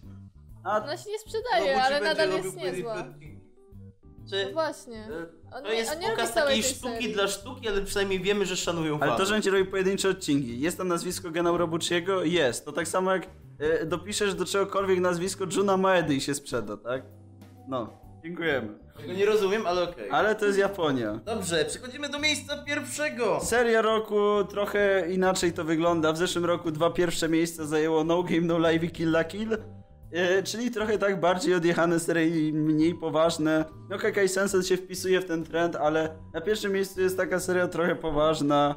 I myślę, że Zubek powinien zacząć. Pierwsze miejsce. Dobrze. Hibike Pierwsze Euphonium. miejsce, Hibike Euphonium. Jako, że wielokrotnie wspominałem, iż absolutnie nie rozumiem w ogóle jakiegokolwiek hype'u na tę serię, to widzę, że ktoś do mnie dzwonił, idę, idę odpowiedzieć na telefon, a wy możecie się teraz spuszczać, jakie ten, jakie Hibike jest zajebisty. Zubek nie rozumiał hype'u, ponieważ Zubek e, miał duży problem z tym, że ta seria jest dobrze napisana. Mam duży Pragnie- problem z tym, że postacie bardzo mocno mnie wkurzają. Wychodząc próbuję teraz zaznaczyć, że postacie go denerwowały. No, uznajmy, że mogę go denerwować, ale jako, że trzymamy się tego, jak już rozmawialiśmy o Gwiezdnych Wojnach, e, Kylo Ren też jest postacią w Nowych Gwiezdnych Wojnach, która może denerwować. Jednak e, nie dlatego, że, nie wiem, jest źle napisany. On jest bardzo dobrze napisany, tylko że on był napisany jako denerwująca postać. Jeżeli Zupkowi, nie wiem, przeszkadza w Hibikę to, że jedna dziewczynka jest złą postacią, to nie dlatego, że jest źle nagrana, źle, na, źle zagrana, źle ma, nie wiem, rozpisaną fabułę, swoją backstory i motywację, nie znaczy, że jest to zła postać, to po prostu znaczy, że ta postać tak miała wyglądać i ją się może nie podobać, a nie już powiedzieć, że to jest postać, która została źle wykreowana na potrzeby świata. Zubek po prostu nie lubi postaci, którzy chcą coś osiągnąć, się starają i mają jakąś mocną motywację i wolę spełnienia swoich marzeń przez ciężką pracę. Ładnie ująłeś słowo tryhard. Dokładnie. Nie, y, ja. To jest to samo, co już mówiliśmy przy Kekai Sensen. Przy Ibikeofoniu miałem dość prosty problem. Y, W momencie zapowiedzi powiedziałem, że absolutnie nie zamierzam tego oglądać, bo jest to Keion 2.0. Kiani chce wyciągnąć pieniądze od ludzi i tyle. Y, Nie zacząłem tego oglądać. Tomek powiedział, ej, ej, to jest całkiem niezłe. Kolejno sam mówi, Wulgi mówi, ej, ej, to jest całkiem niezłe. Kolejno sobie mówią, czemu jeszcze tego nie oglądasz? Najlepsza seria sezonu. Okej, zacząłem. Moment, moment. Gdzie jest mój Kejon? Gdzie są słodkie okruchy życia o dorastaniu i tym, żeby budować wspomnienia ze sobą? Nie, nie, to jest seria o muzyce. Nie, to, to nie jest jakiś tam śmieszny Kejon, który nie ma z muzyką nic wspólnego, poza tym, że są tam instrumenty. Dostaję jakieś dziewczynki, które od przedszkola grają na instrumentach ich największym celem w życiu, który w ogóle determinuje to, jak potoczy się ich przyszłość, jest to, że dostaną się na zawody międzypaństwowe wtedy. Nie, wtedy... Nie, e, International. Nie. nie, to są e, te państwowe Krajowe, zawody. krajowe. krajowe, Krajowe, to się ładnie nazywa. I to jest w ogóle najważniejsza rzecz w ich życiu. To nie jest to, że ej, może znajdę chłopaka. Nie, nie, to jest mniej ważne. Muszę zagrać na tubie swój najlepszy występ, bo inaczej nie pojadę na te zawody. To jest po prostu tak fenomenalnie napisana seria. Jeżeli tak by były robione sportówki, które miałyby tak pokazaną ambicję tych postaci, takie chęci i próby, a nie były po prostu chłopcami, które ej, chcemy zostać najlepsi. To sportówki byłyby całkiem niezłym gatunkiem, bo Hibiki Euphonium to jest taka sportówka, tylko że jest dużo lepsza niż wszystkie sportówki. Taka sportówka o graniu, no. Jak w Hibikę była scena, nie, to nawet było parę scen, w którym dwie dziewczyny dosłownie walczyły o to, która zagra solówkę na tym występie. To po prostu, to nie była rywalizacja, to była walka. One najchętniej by sobie wydrapały oczy. No i to jeszcze nie było tak, że one, nie wiem, grały tą solówkę dlatego, że ej, ja zagram tą solówkę i ja się wybiję i będę zajebista. Nie, one grały solówkę, która zagra lepiej, żeby zwiększyć szansę tego, że, ta dru- że jakoś ich drużyna dostanie się jakimś cudem do tych zawodów krajowych, pomimo tego, że przez ostatnie lata dostają w dupę. To po prostu tak fenomenalnie zrobione. Dlatego każda z postaci, która tak strasznie się stara i tak dalej, nie jest w żaden sposób przesadzona, prze, przekoloryzowana, przedramatyzowana, tylko jest taką normalną osobą, która się stara. Ale Ma tam jakieś też- swoje problemy, motywacje. To jest takie bardzo realistyczne. Weź też właśnie pod uwagę to, co powiesz, że jest realistyczne, to, że każda z tych postaci ma wady i zalety. To nie jest tak, że wiecie, każda jest tam idealną postacią, która chce zajebiście tam grać, nie wiem, na tych zawodach, bo jest taka super i ekstra. To wcale tak nie jest. Tak naprawdę y, główna bohaterka wcale nie jest jakoś tak, wiecie, wyidealiz- wydea- Wyidealizowana. tylko jest właśnie, ma swoje ma plusy, ma swoje minusy, wiecie, tak samo jak w graniu, ona dobrze gra tutaj, ale ten, ten akurat moment y, w graniu wychodzi jej kiepsko, więc zaczyna ćwiczyć, wiecie, to jest zupełnie co innego niż macie taką postać, która jest po prostu zarąbista od początku. Ja bym, przejdźmy- także, ja bym także wspomniał o postaci nauczyciela, którą, który moim zdaniem jest naprawdę, naprawdę dobrą postacią. Czyli postaci, który- której Zubek w tej serii najbardziej nie lubi, dlatego wyszedł. Nie, nie, właśnie nie rozumiem dlaczego, przecież Tak, dla mnie To, też postać nauczyciela że on świetna. utrzymywał te wszystkie dziewczyny, on, on podkręcał te ich ambicje, dawał im sens.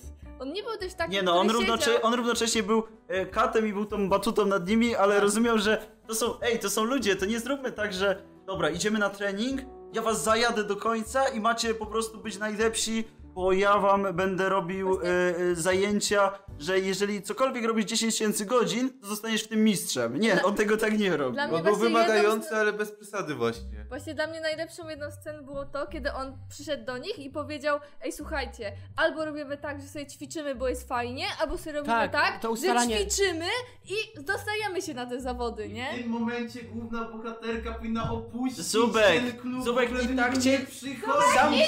I tak cię nie pokoju. słychać, tylko mi utrudniasz potem ścinanie nagrania, wyjdź stąd. Dlatego jeszcze warto dodać, że seria świetnie pokazuje to, że w sumie opierdalasz się, no to ci się nie udaje. Tak, To życie nie jest bajką. była bardzo fajna scena, w której nauczyciel przyszedł i postawił i kazał dziewczynkom, dziewczynkom, kazał im wybrać cel. Albo celujemy w zawody te krajowe, To już Badzia to powiedziała no. przed chwilą. tak, albo gramy dla przyjemności. I jako, że wybrały te zawody, potem cały czas je cisnął, cały czas kazał im trenować, ale jednocześnie trzymając sobie tą ludzką część, która rozumiała to, że to są, to są To jednak To dziewczynki, a nie roboty. Poza tym dawał im też rady, a nie tylko wymagał. Tak? No i to jeszcze nie są jakieś dziewczynki, ej, weźmy sobie 10-letnie dziewczynki, nie mają nic w życiu do roboty, w sumie będą grać i będą zajebiste. Tam mały były ten, dziewczynki, które mają 15-16 lat, to okres dorastania, płakania, że się rozstały i tak dalej. I on w sumie wie, że nic z tego tak naprawdę nie zrobi, ale w sumie może wytryhardujemy i dostaniemy się na te zawody. Udało się, udało się, wszystko było super. Yy, To co jeszcze najważniejsze postacie. Czy w tym roku była jakakolwiek postać, yy, która była równie cyniczna jak Kumiko? No, cyniczna? Cyniczna. Nie no, cyniczna Nie to ma bardziej, nie w tym roku. Wychodziło Yahari, więc był Hachiman. Ale Ale dobra, ale mówię o dobrych postaciach. dobrze, ale Hachiman jest super, to ale jest Batman. Ale Hachiman jest bucem. Nie, Jak nie? nie, on jest bardzo miłą osobą, tylko jest On jest- niemiły. No właśnie. Jest On- bardzo miłą osobą, ale jest niemiły. Nie no, Boże, ale, to... ale czy Tak, to robi sens. weźmy tak, jeżeli uznajemy, że zdecydowanie podręcznikowym podręcznikowym przykładem bucowatej bohaterki, znaczy nie bucowatej, cynicznej bohaterki Opus Magnum jest główna bohaterka Wróżek. e, Jinruiwa, to czy Kumiko jest zdecydowanie najbliżej w tym roku jej? Mi nie przychodzi nic na myśl. Dokładnie. Więc to już Na pewno jest najbardziej cyniczną bohaterką. Tak, Przy tym zostańmy. przy tym zostajemy. Tak samo e, kolejna postać. Kumiko jest cyniczna, wystarczy, jest zajebista. Kolejna postać, Reina, e, jest dziewczynką, o której w sumie przez pół serii nic nie wiemy. I jeżeli w 13-odcinkowej serii jesteśmy w stanie zmarnować pół odcinków na to, że wiemy, ej, one grały kiedyś ze sobą i nie wiemy o Kumiko nic. I one nagle... Reinie. E, Wróć, o Reinie. I nie wiemy o niej nic. Jesteśmy w międzyczasie, e, nie wiem, do, dowiadujemy się, ej, ona, ma, ona się zna z tym nauczycielem, coś tam. Ona tam grała na trąbce. I to jest jedno, co o niej wiemy. I nagle przez sześć odcinków dostajemy tam takim pokładem informacji, budowania relacji e, z Kumiko, że jesteśmy w stanie uwierzyć, że są najlepsze przyjaciółki kiedykolwiek, które przez pół serii ze nie rozmawiały. A znają się tak naprawdę od tygodnia więcej niż z widzenia. Dokładnie. Więc y, każda postać, no Sapphire jest świetna, y, jakieś randomowi O, goście są super napisani. Losowe postacie, które pojawiają się przez pół owy są świetne. Tak, po Dokładnie. każda postać, która jest w tej serii jest tak dobrze napisana, że była prawdopodobnie najlepszą postacią w dowolnej innej bajce. Zupku, może chcesz opowiedzieć, dlaczego ci się to nie podoba, bo tak Oczywiście, siedzisz jak, z boku. jak dla mnie, y, to y, najlepiej byłoby, gdyby główna bohaterka pozostała w swoim postanowieniu, nie dołączyła do tego klubu, powiedziała nie, trzymała się dalej przy tym. Może tej serii by nie było, ale ja zupełnie nie rozumiem jej hype'u. Ona może. O, może powiedzmy w ten sposób. Ma faktycznie napisane postacie dobrze. Na tyle dobrze, że jakbym spotkał taką postać w realnym życiu, to mógłbym taką spotkać i faktycznie by mnie wkurwiała na żywo również. Em, jeśli chodzi o tam warstwę audiowizualną, to wiadomo, że nie mam się do czego przyczepić. Fabularnie, tryhardowanie muzyki. Fenomen. Dobra, tryhardowanie muzyki, tak. E, ogólnie e, mówię, miałbym do tej serii, znaczy już powoli popadałem e, przez otoczenie i ludzi w moim otoczeniu taki stan, że miałbym podejście do tej serii mniej więcej takie jak Lesiu ma do Death Note'a, ale na szczęście e, istnieje Arek, który bardzo podziela moje zdanie. Arku, chciałem Ci życzyć wszystkiego najlepszego w tym nowym roku. Dziękuję, że jesteś i mam nadzieję, że będziesz z nami już zawsze, bo jako jedyny mnie rozumiesz. Patrzcie, żeby hejtuje serię z Yuri Baitami. Dokładnie. Bo to, to nawet nie tylko są- bejty. To nawet nie są bejty. Są, ale nadrobiłem, bejty, ale nadrobiłem jej 7 odcinków czy 6, jak zobaczyłem te bejty, więc A one nie były w ósmym? Ósmy było więcej. e, one były w ósmym, ja obejrzałem do dziewiątego, a byłem tam chyba na drugim wcześniej, nie chciało mi się oglądać dalej, ale zobaczyłem Yuri bejty, więc obejrzałem do dziewiątego i Poczekaj do filmu i drugiego sezonu. dobrze, Dokładnie. jeśli, posłuchaj, jeśli one się zejdą, to nie ma sprawy, dam 10 temu filmowi wtedy. Dobrze, ale jak wszyscy dobrze wiemy, Kiani zrobiła fenomenalną robotę przy e, oszukiwaniu jakichś weebusów, że to jest związek lesbijki, lesbijski, a to są po prostu przyjaciółki. Ale bardzo mi się podoba, jak Kiani zrektowała wszystkich weebusów, którzy myślą, że jest to Yuri, e, co Dokładnie. jest kolejną super rzeczą w tej serii. E, W tym momencie myślę, że możemy zakończyć nasze podsumowanie roku, zanim Zubek znowu dojdzie do głosu i spróbuje obrazić Hibikę Eufonium. Więc e, my w tym momencie możemy tam, wam, wam życzyć e, szczęśliwego nowego roku i będziecie go słuchać prawdopodobnie dopiero e, pod koniec pierwszego tygodnia stycznia, Po ale... prostu jak Lesiu A to chwila, ja mam jeszcze jedną bardzo ważną informację. Moment, ale to zaraz, ja jeszcze przesunę i powiesz No. sobie, więc jeżeli możemy, to, to wam życzymy. E, Jeżeli chcecie na przykład, nie wiem, e, posłuchać o czymś, to możecie napisać komentarz, jak zawsze mówimy, znaczy nie komentarz, lepiej na, napiszcie na Facebooku, tam będzie fajnie. E, Bo tak więcej osób przyszło i możemy poruszać głupie tematy. Dzisiaj nie losujemy serii, dlatego jeszcze się nie wypowiadamy o tych, które widzieliśmy, mimo że były super. No, prawie, prawie, prawie wszystkim się podobały bajki, które wylosowali, ale o tym będzie dopiero na następnym nagraniu. E, powiem tak, ja się w tym momencie e, żegnam, wszystko było fajnie, a przyszły rok i tak jest tak bullshitowy, że nie mam pojęcia, zostanie serią roku i w zeszłym roku, jakbyście mnie zapytali, to na pewno bym nie założył, że Hibike Eufonium, widząc nawet całą rozpiskę serii roku, jakbym miał przeczytać opis fabuły i napis tych serii, które tam są, to na pewno nigdy bym nie powiedział, że tryhardowanie o muzyce zostanie u nas najlepszą serią roku. Dokładnie. I nie ma... Szczególnie od Kyoani. Szczególnie, nie no, od Kyoani to zdecydowanie, bo już Musaigen, y, no, no, no Phantom World, Tak, to jest tak. tak, zostaje serią przyszłego sezonu bezdyskusyjnie. Więc ja się z wami Nie, to- pożegnam i ja sobie tutaj wyjdę i oni też się z wami pożegnają, ale ja tak wyjdę, żeby oni mogli coś powiedzieć głośniej. Proszę, pożegnajcie się. To czemu my mamy, to, to damy się. Dobra, to, to ja się żegnam i też życzę szczęśliwego nowego roku, żeby ten e, rok obfitował wam jeszcze lepsze bajki niż zapowiedzieli. Mamy tyle dobrych zapowiedzi na nowy rok, więc od tego nie, tego nie muszę wam życzyć, więc po prostu życzę wam szczęścia, zdrowia i ob- oglądajcie Ej, ej, to zabrzmiało tak po prostu generic. Szczęścia, zdrowia. Pawełku, a jak tam w szkole? I, I oglądajcie Shirayuki. Tak. Drugi sezon 11 stycznia. To ja wam Bardzo życzę dobrze. tego, żeby nie spieprzyli tych serii w przyszłym sezonie, które zapowiadają się Berserka już dobrze. I spieprzyli. w przyszłym roku. I żeby Berserk był dobry, mimo tego, że wygląda jak dobra gra na PlayStation 2. O Jezu. Jak Tytany. Jak gra Tytanu. Tak. Tak. I w sumie to tyle. A poza tym, jak Lesiu mówi, że to coś tam od Kyoani będzie najlepszą serią w przyszłym sezonie, nieprawda, bo na pewno A1 zrobi dobrze adaptację To tej nowelki o, przeniesie, o przeniesienie do świata fantazy, więc Grimgal będzie najlepszą w- serią w przyszłym sezonie. Wierzę w A1. Dobra, a ja mam tylko na sam koniec jeszcze taki important announcement. Bardzo ważny dla naszego podcastu, bo jak mówiłem kiedyś, ktoś się bardzo pomylił. Otóż e, po naszym ostatnim spotkaniu tak sobie siedziałem, nie mogłem zasnąć i wtedy mi olśniło i sprawdziłem sobie maila, sprawdziłem naszą stronę, sprawdziłem komentarze i tam też nie było żadnych komentarzy, więc in your face, Komil, nikt nie korzysta z tej strony, nikt poza tobą. I tak, właśnie Magda pokazała dobrze moje nastawienie. Szczęśliwego nowego roku. Dziękuję, do widzenia.